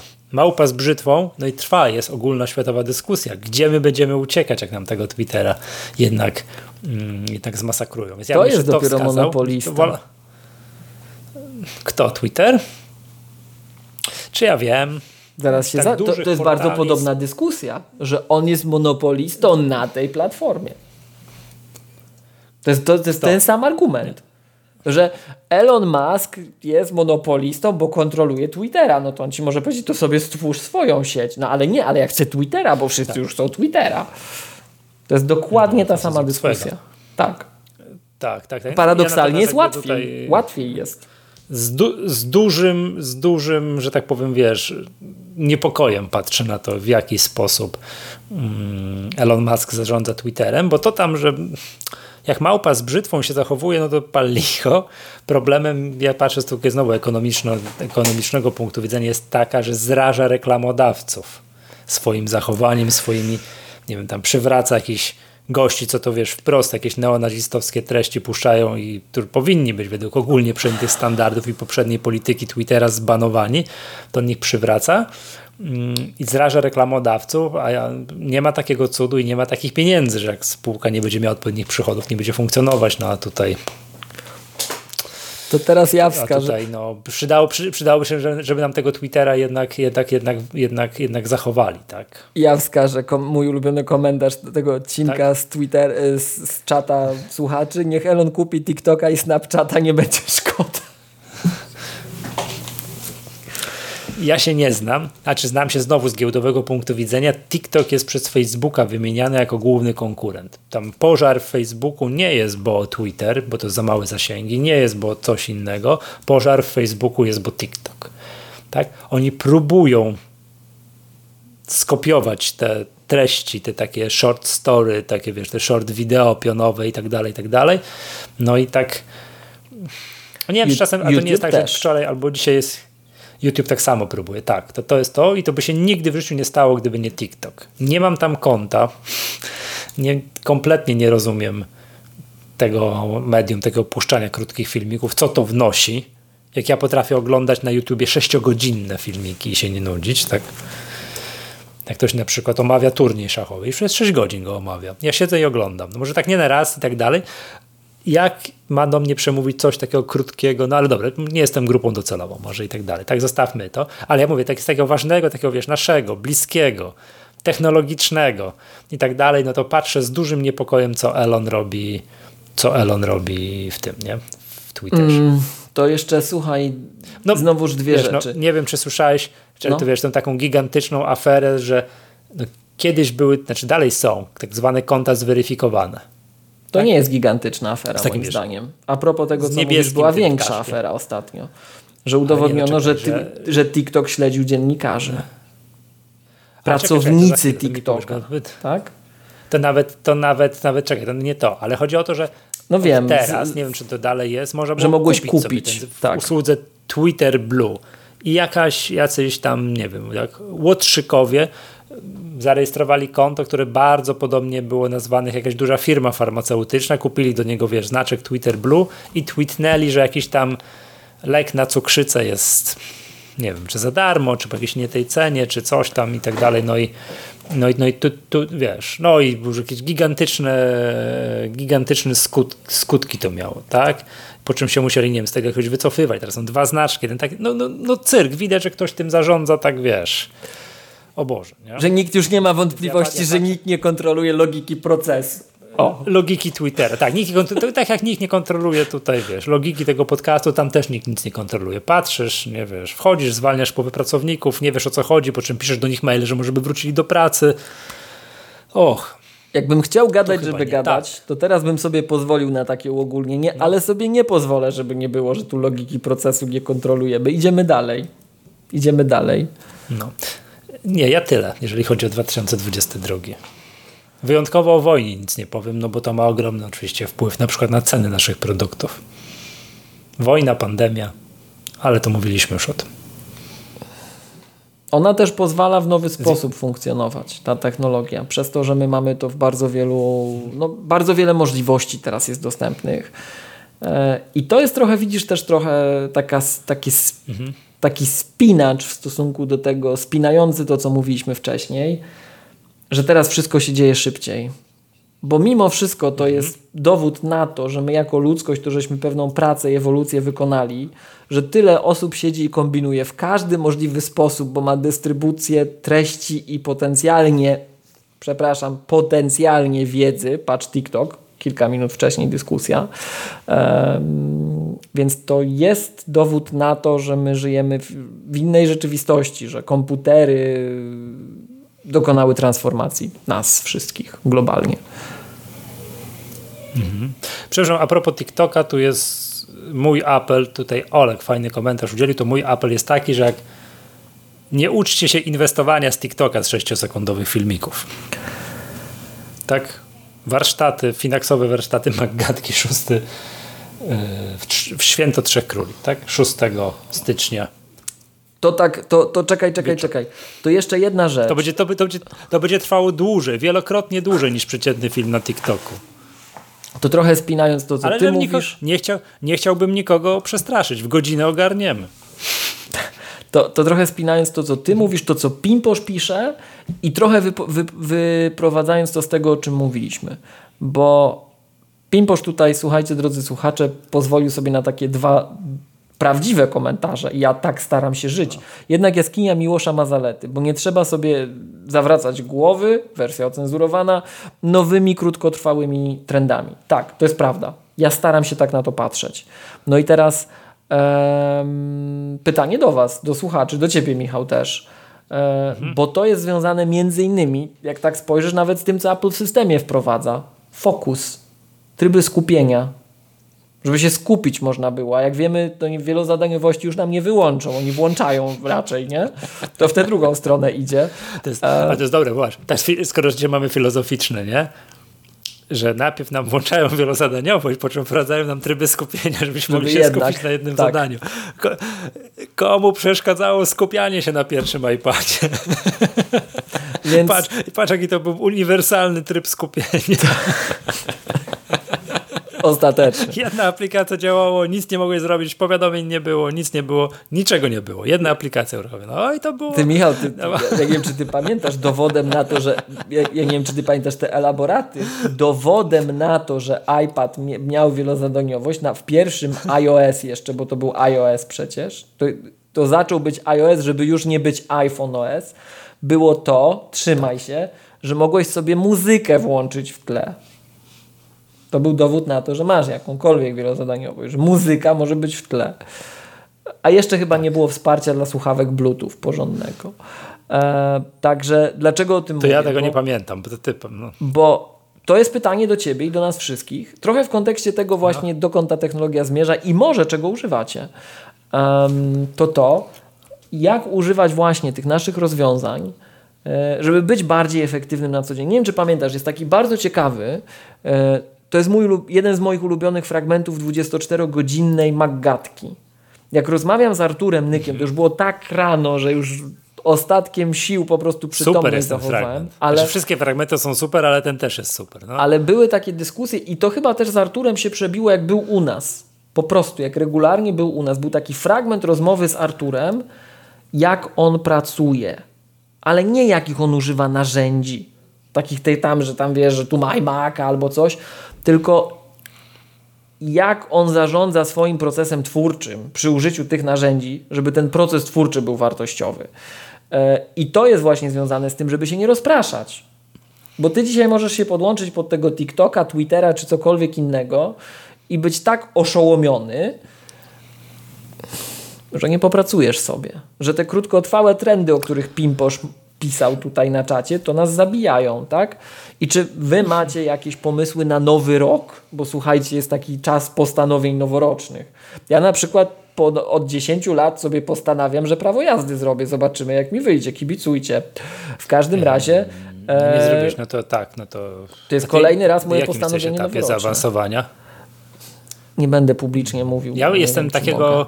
Y, te, y, że postanowienia noworoczne są bez sensu, że wszystkie takie postanowienia, że zacznę, nie wiem, coś tam, odchudzać się od pierwszego, od poniedziałku, od nowego roku i tak dalej są bez sensu. Jak ktoś chce się odchudzać, to powinien zacząć od teraz, tak, od już. Jak ktoś chce zrobić prawo jazdy, to nie, że w nowym roku, albo że po wakacjach się zajmę i tak dalej, tylko już trzeba zrobić tego typu rzeczy. Oczywiście wiadomo, czasami jest jakaś bariera finansowa, no to może warto pooszczędzać. O, o, o kolejny przykład. Jak ktoś chce pooszczęd- zacząć oszczędzać, inwestować, to też teraz. Ja jestem daleki od tych wszystkich postanowień noworocznych. Zawsze w okolicach przełomu roku pojawiają się artykuły statystyczne pokazujące po ilu dniach ludzie porzucają postanowienia noworoczne. Dzisiaj oglądałem, drzemiąc lekko na kanapie, byłem zmęczony, yy, kątem oka, że jeszcze w starym roku dyskusję jakąś na antenie, nie pamiętam co to była za telewizja włączona, o tym jak szybko ludzie porzucą postanowienia noworoczne, które właśnie jutro czy tam pojutrze, pojutrze e, no, postanowią sobie, prawda? No, także ten nie mam żadnych, tak? Albo się ludzie uczą tej wielozadaniowości, koncentracji na pracy, nie roz pływania się na wszystko dookoła i tak dalej, albo to mają, albo tego nie mają. Zakładam, że się można tego nauczyć. Natomiast mm, no, czasami jest, wiesz, no, po to wymyślono deadline, nie? że jak już coś musisz zrobić, to już musisz, nie? Także to już, to już czasami nie ma lekko, prawda? No. Okej. Okay. Nie ma, nie ma cudownej metody, odpowiadając na twoje ten, nie? Żaden tryb skupienia nie zadziała, jak masz w głowie auto rozpraszacza. Nic wam się nie należy i nie ma cudownej metody. Tytuł odcinka. Tak. Nic wam się nie należy, nie ma cudownej metody i tak dalej. Mm, to jest tak jak mniej więcej, nie wiem, teraz naucza się języków jakoś taką metodą, metodami różnymi, jakimś wie, że tu coś, elektrody do mózgu, coś masz w nocy słuchać, coś tam, o Boże drogi. Tak samo matematyki, że przecież jak cudownie wytłumaczysz, obejrzysz jakieś filmiki, kurs wykupisz, to się lepiej tej matematyki nauczyć. A ja jestem zwolennikiem starej, dobrej, radzieckiej metody, że przez zaćwiczenie tak? Wiesz o co chodzi? Że trzeba dużo jeszcze raz te zadania robić jeszcze raz i jeszcze raz. Jak zrobisz tysiąc zadań, nie wiem, z równań kwadratowych, to się już nie pomylisz w zadaniach z równań kwadratowych. Nie ma cudownej metody, żeby się w półtorej godziny nauczyć rozwiązywać równań kwadratowych. Pozdrawiam tam. Nie wiem, równanie kwadratowe to bodajże drugie druga klasa szkoły średniej. Ktoś myśli, że tu godzinka, cudowna metoda, elektrody do mózgu, filmik na YouTubie, kurs kupię, jak kupię kurs. Ludzie są fanami kupowania kursów w internecie. Jak kupię kurs, to znaczy, że to już Kupiłem, nie obejrzałem, ale już kupiłem, to już wystarczy. Miałem, to nie są metody. Nie? Miałem taką dyskusję. Stara, dobra radziecka, stara, dobra radziecka metoda, przez zaćwiczenie jest dobra. Miałem taką, miałem taką rozmowę dosłownie przedwczoraj. Dokładnie takie, takie, takie zdanie padło. Jaki ja sobie, czy nie ma kursu wideo w programowania w AppleScript, takiego porządnego? Nie, nie ma. Trzeba przeczytać książkę, tę książkę, koniec. Tego się nie, nie da na tego się nie da na wideo pokazać. To trzeba przeczytać, nie, przemyśleć i pisać i kodu naklepać i pomylić tak. się milion razy w tym, Oczywiście, w tym wszystkim. Tak. I to ci się nie skompiluje. Tego się nie da na wideo pokazać. I jeszcze raz, i jeszcze, i jeszcze raz, i jeszcze raz, nie? Stara, dobra, radziecka metoda, prawda? No. Tak. tak. No. O, zobacz, tak kursy programowania na Udemy najlepsze, no. No. O, to tak. Nie, no, słuchajcie, czat jest niesamowity. Dobrze. Miłosz, czy coś jeszcze mamy? Bo właśnie już to nagrywamy dwie godziny i Chyba nie. ostatnio złapałem się na tym, że podcasty, które trwają dłużej niż dwie godziny, ciężko mi się słucha. Spróbujmy skrócić dzisiejszą formę. Czy chciałbyś uzupełnić kącik kulturalny? Bo ja do kącika kulturalnego no, zgłaszam nie. wyzwolenie i rozdzielenie. Nie pomylić filmów. Tak? Nie pomylić. Także... Ze względu na okoliczności. A ja tylko raz jeszcze przypomnę yy, i to wyjdzie tak, że my jakoś tak, to jest przypadek zupełny, że z odcinka na odcinek płatne subskrypcje kontentu um, promujemy, ale jakoś tak wychodzi. Z panem Emilianem tak, Kamińskim. z panem Emilianem Kamińskim na Storytelu tak? jeden z wywiadów. Pan Witold Jurasz e, z panem Emilianem Kamińskim rozmawiają, a drugi wywiad pana Macieja Orłosia z panem Emilianem Kamińskim. To, to, to jedno proszę, i drugie ma tak, niesamowitą wartość. Tak, ja pamiętam 100 lat temu, czy wróćmy do tego tematu, 100 lat temu pamiętam, że jeszcze jakiejś telewizji, zupełnie przez, przypadek klikając po kanałach, gdzieś miałem okazję posłuchać jakiegoś wywiadu z panem Emilanem Kamińskim i też pamiętam, że zatrzymałem się i wysłuchałem do końca. O, to jednak tak, tak, tak. Mam kolegę, jednego aktora, który pracował z panem Emilianem Kamińskim i też bardzo teraz przeżywał i wspominał w ostatnich dniach. No wiadomo, nie? ciężkie, ciężkie czas, nie? Tak. Dobrze. Ty czy też masz, to, to, to proponuję już tyle w kąciku tyle. Tak, dzisiaj są, tak. E, tyle. Dobrze, słuchajcie, to bardzo jeszcze raz dziękujemy. Zachęcamy gorąco do przystąpienia do klubu Magatka Plus. Nie obraźcie się tutaj, drodzy klubowicze, zaraz tweetnę parę, parę komentarzy, bo po prostu co tu się dzieje, to, to warto dla tych komentarzy zostać. Dzisiaj, ale dzisiaj szczególnie. Dzisiaj tak. Tak. Yy, zachęcamy zachęcamy, znaczy nie, tak, klubowiczów, którzy są obecni o, o to, że po to, żeby się zapisywać na nasze też szkolenia z tych podstaw macOS, które tu robimy. Jak tylko tu skończymy, coś tam się ogarniemy, to, to na styczeń, luty, marzec przynajmniej terminy postanowimy i ogłosimy. Tak? Michał, ty, ty mów za siebie. Ja jak skończymy, to idę do paczkomatu kubeczki wysyłać. A tak. Bo mam postanowienie tegoroczne, że do końca roku wyjadą A nie, wszyscy. Miłość. Miłość, wspaniale. Dadam, to po prostu. Cóż mam powiedzieć? Jeszcze raz, zachęca, jeszcze raz zachęcamy, y, żeby jednak nam wysłać aktualny paczkomat. Kto tam tak jeszcze? Bo po dziewięciu miesiącach to się mogło zmienić. Przystąpił do klubu Magatka Plus, to, to wtedy tak, to wtedy warto przypomniał sobie, matko, ja przedstawiam jakiegoś klubu, to tak. To, Patrz na to oczywiście, pismo, gorąco tak. zachęcamy, żeby, żeby wysłać nam, tak, tak. Eee, nie mów, tutaj są komentarze, że nasz kubeczek łatwiej na OLX kupić niż od nas dostać, to naprawdę nasze kubeczki chodzą na OLX.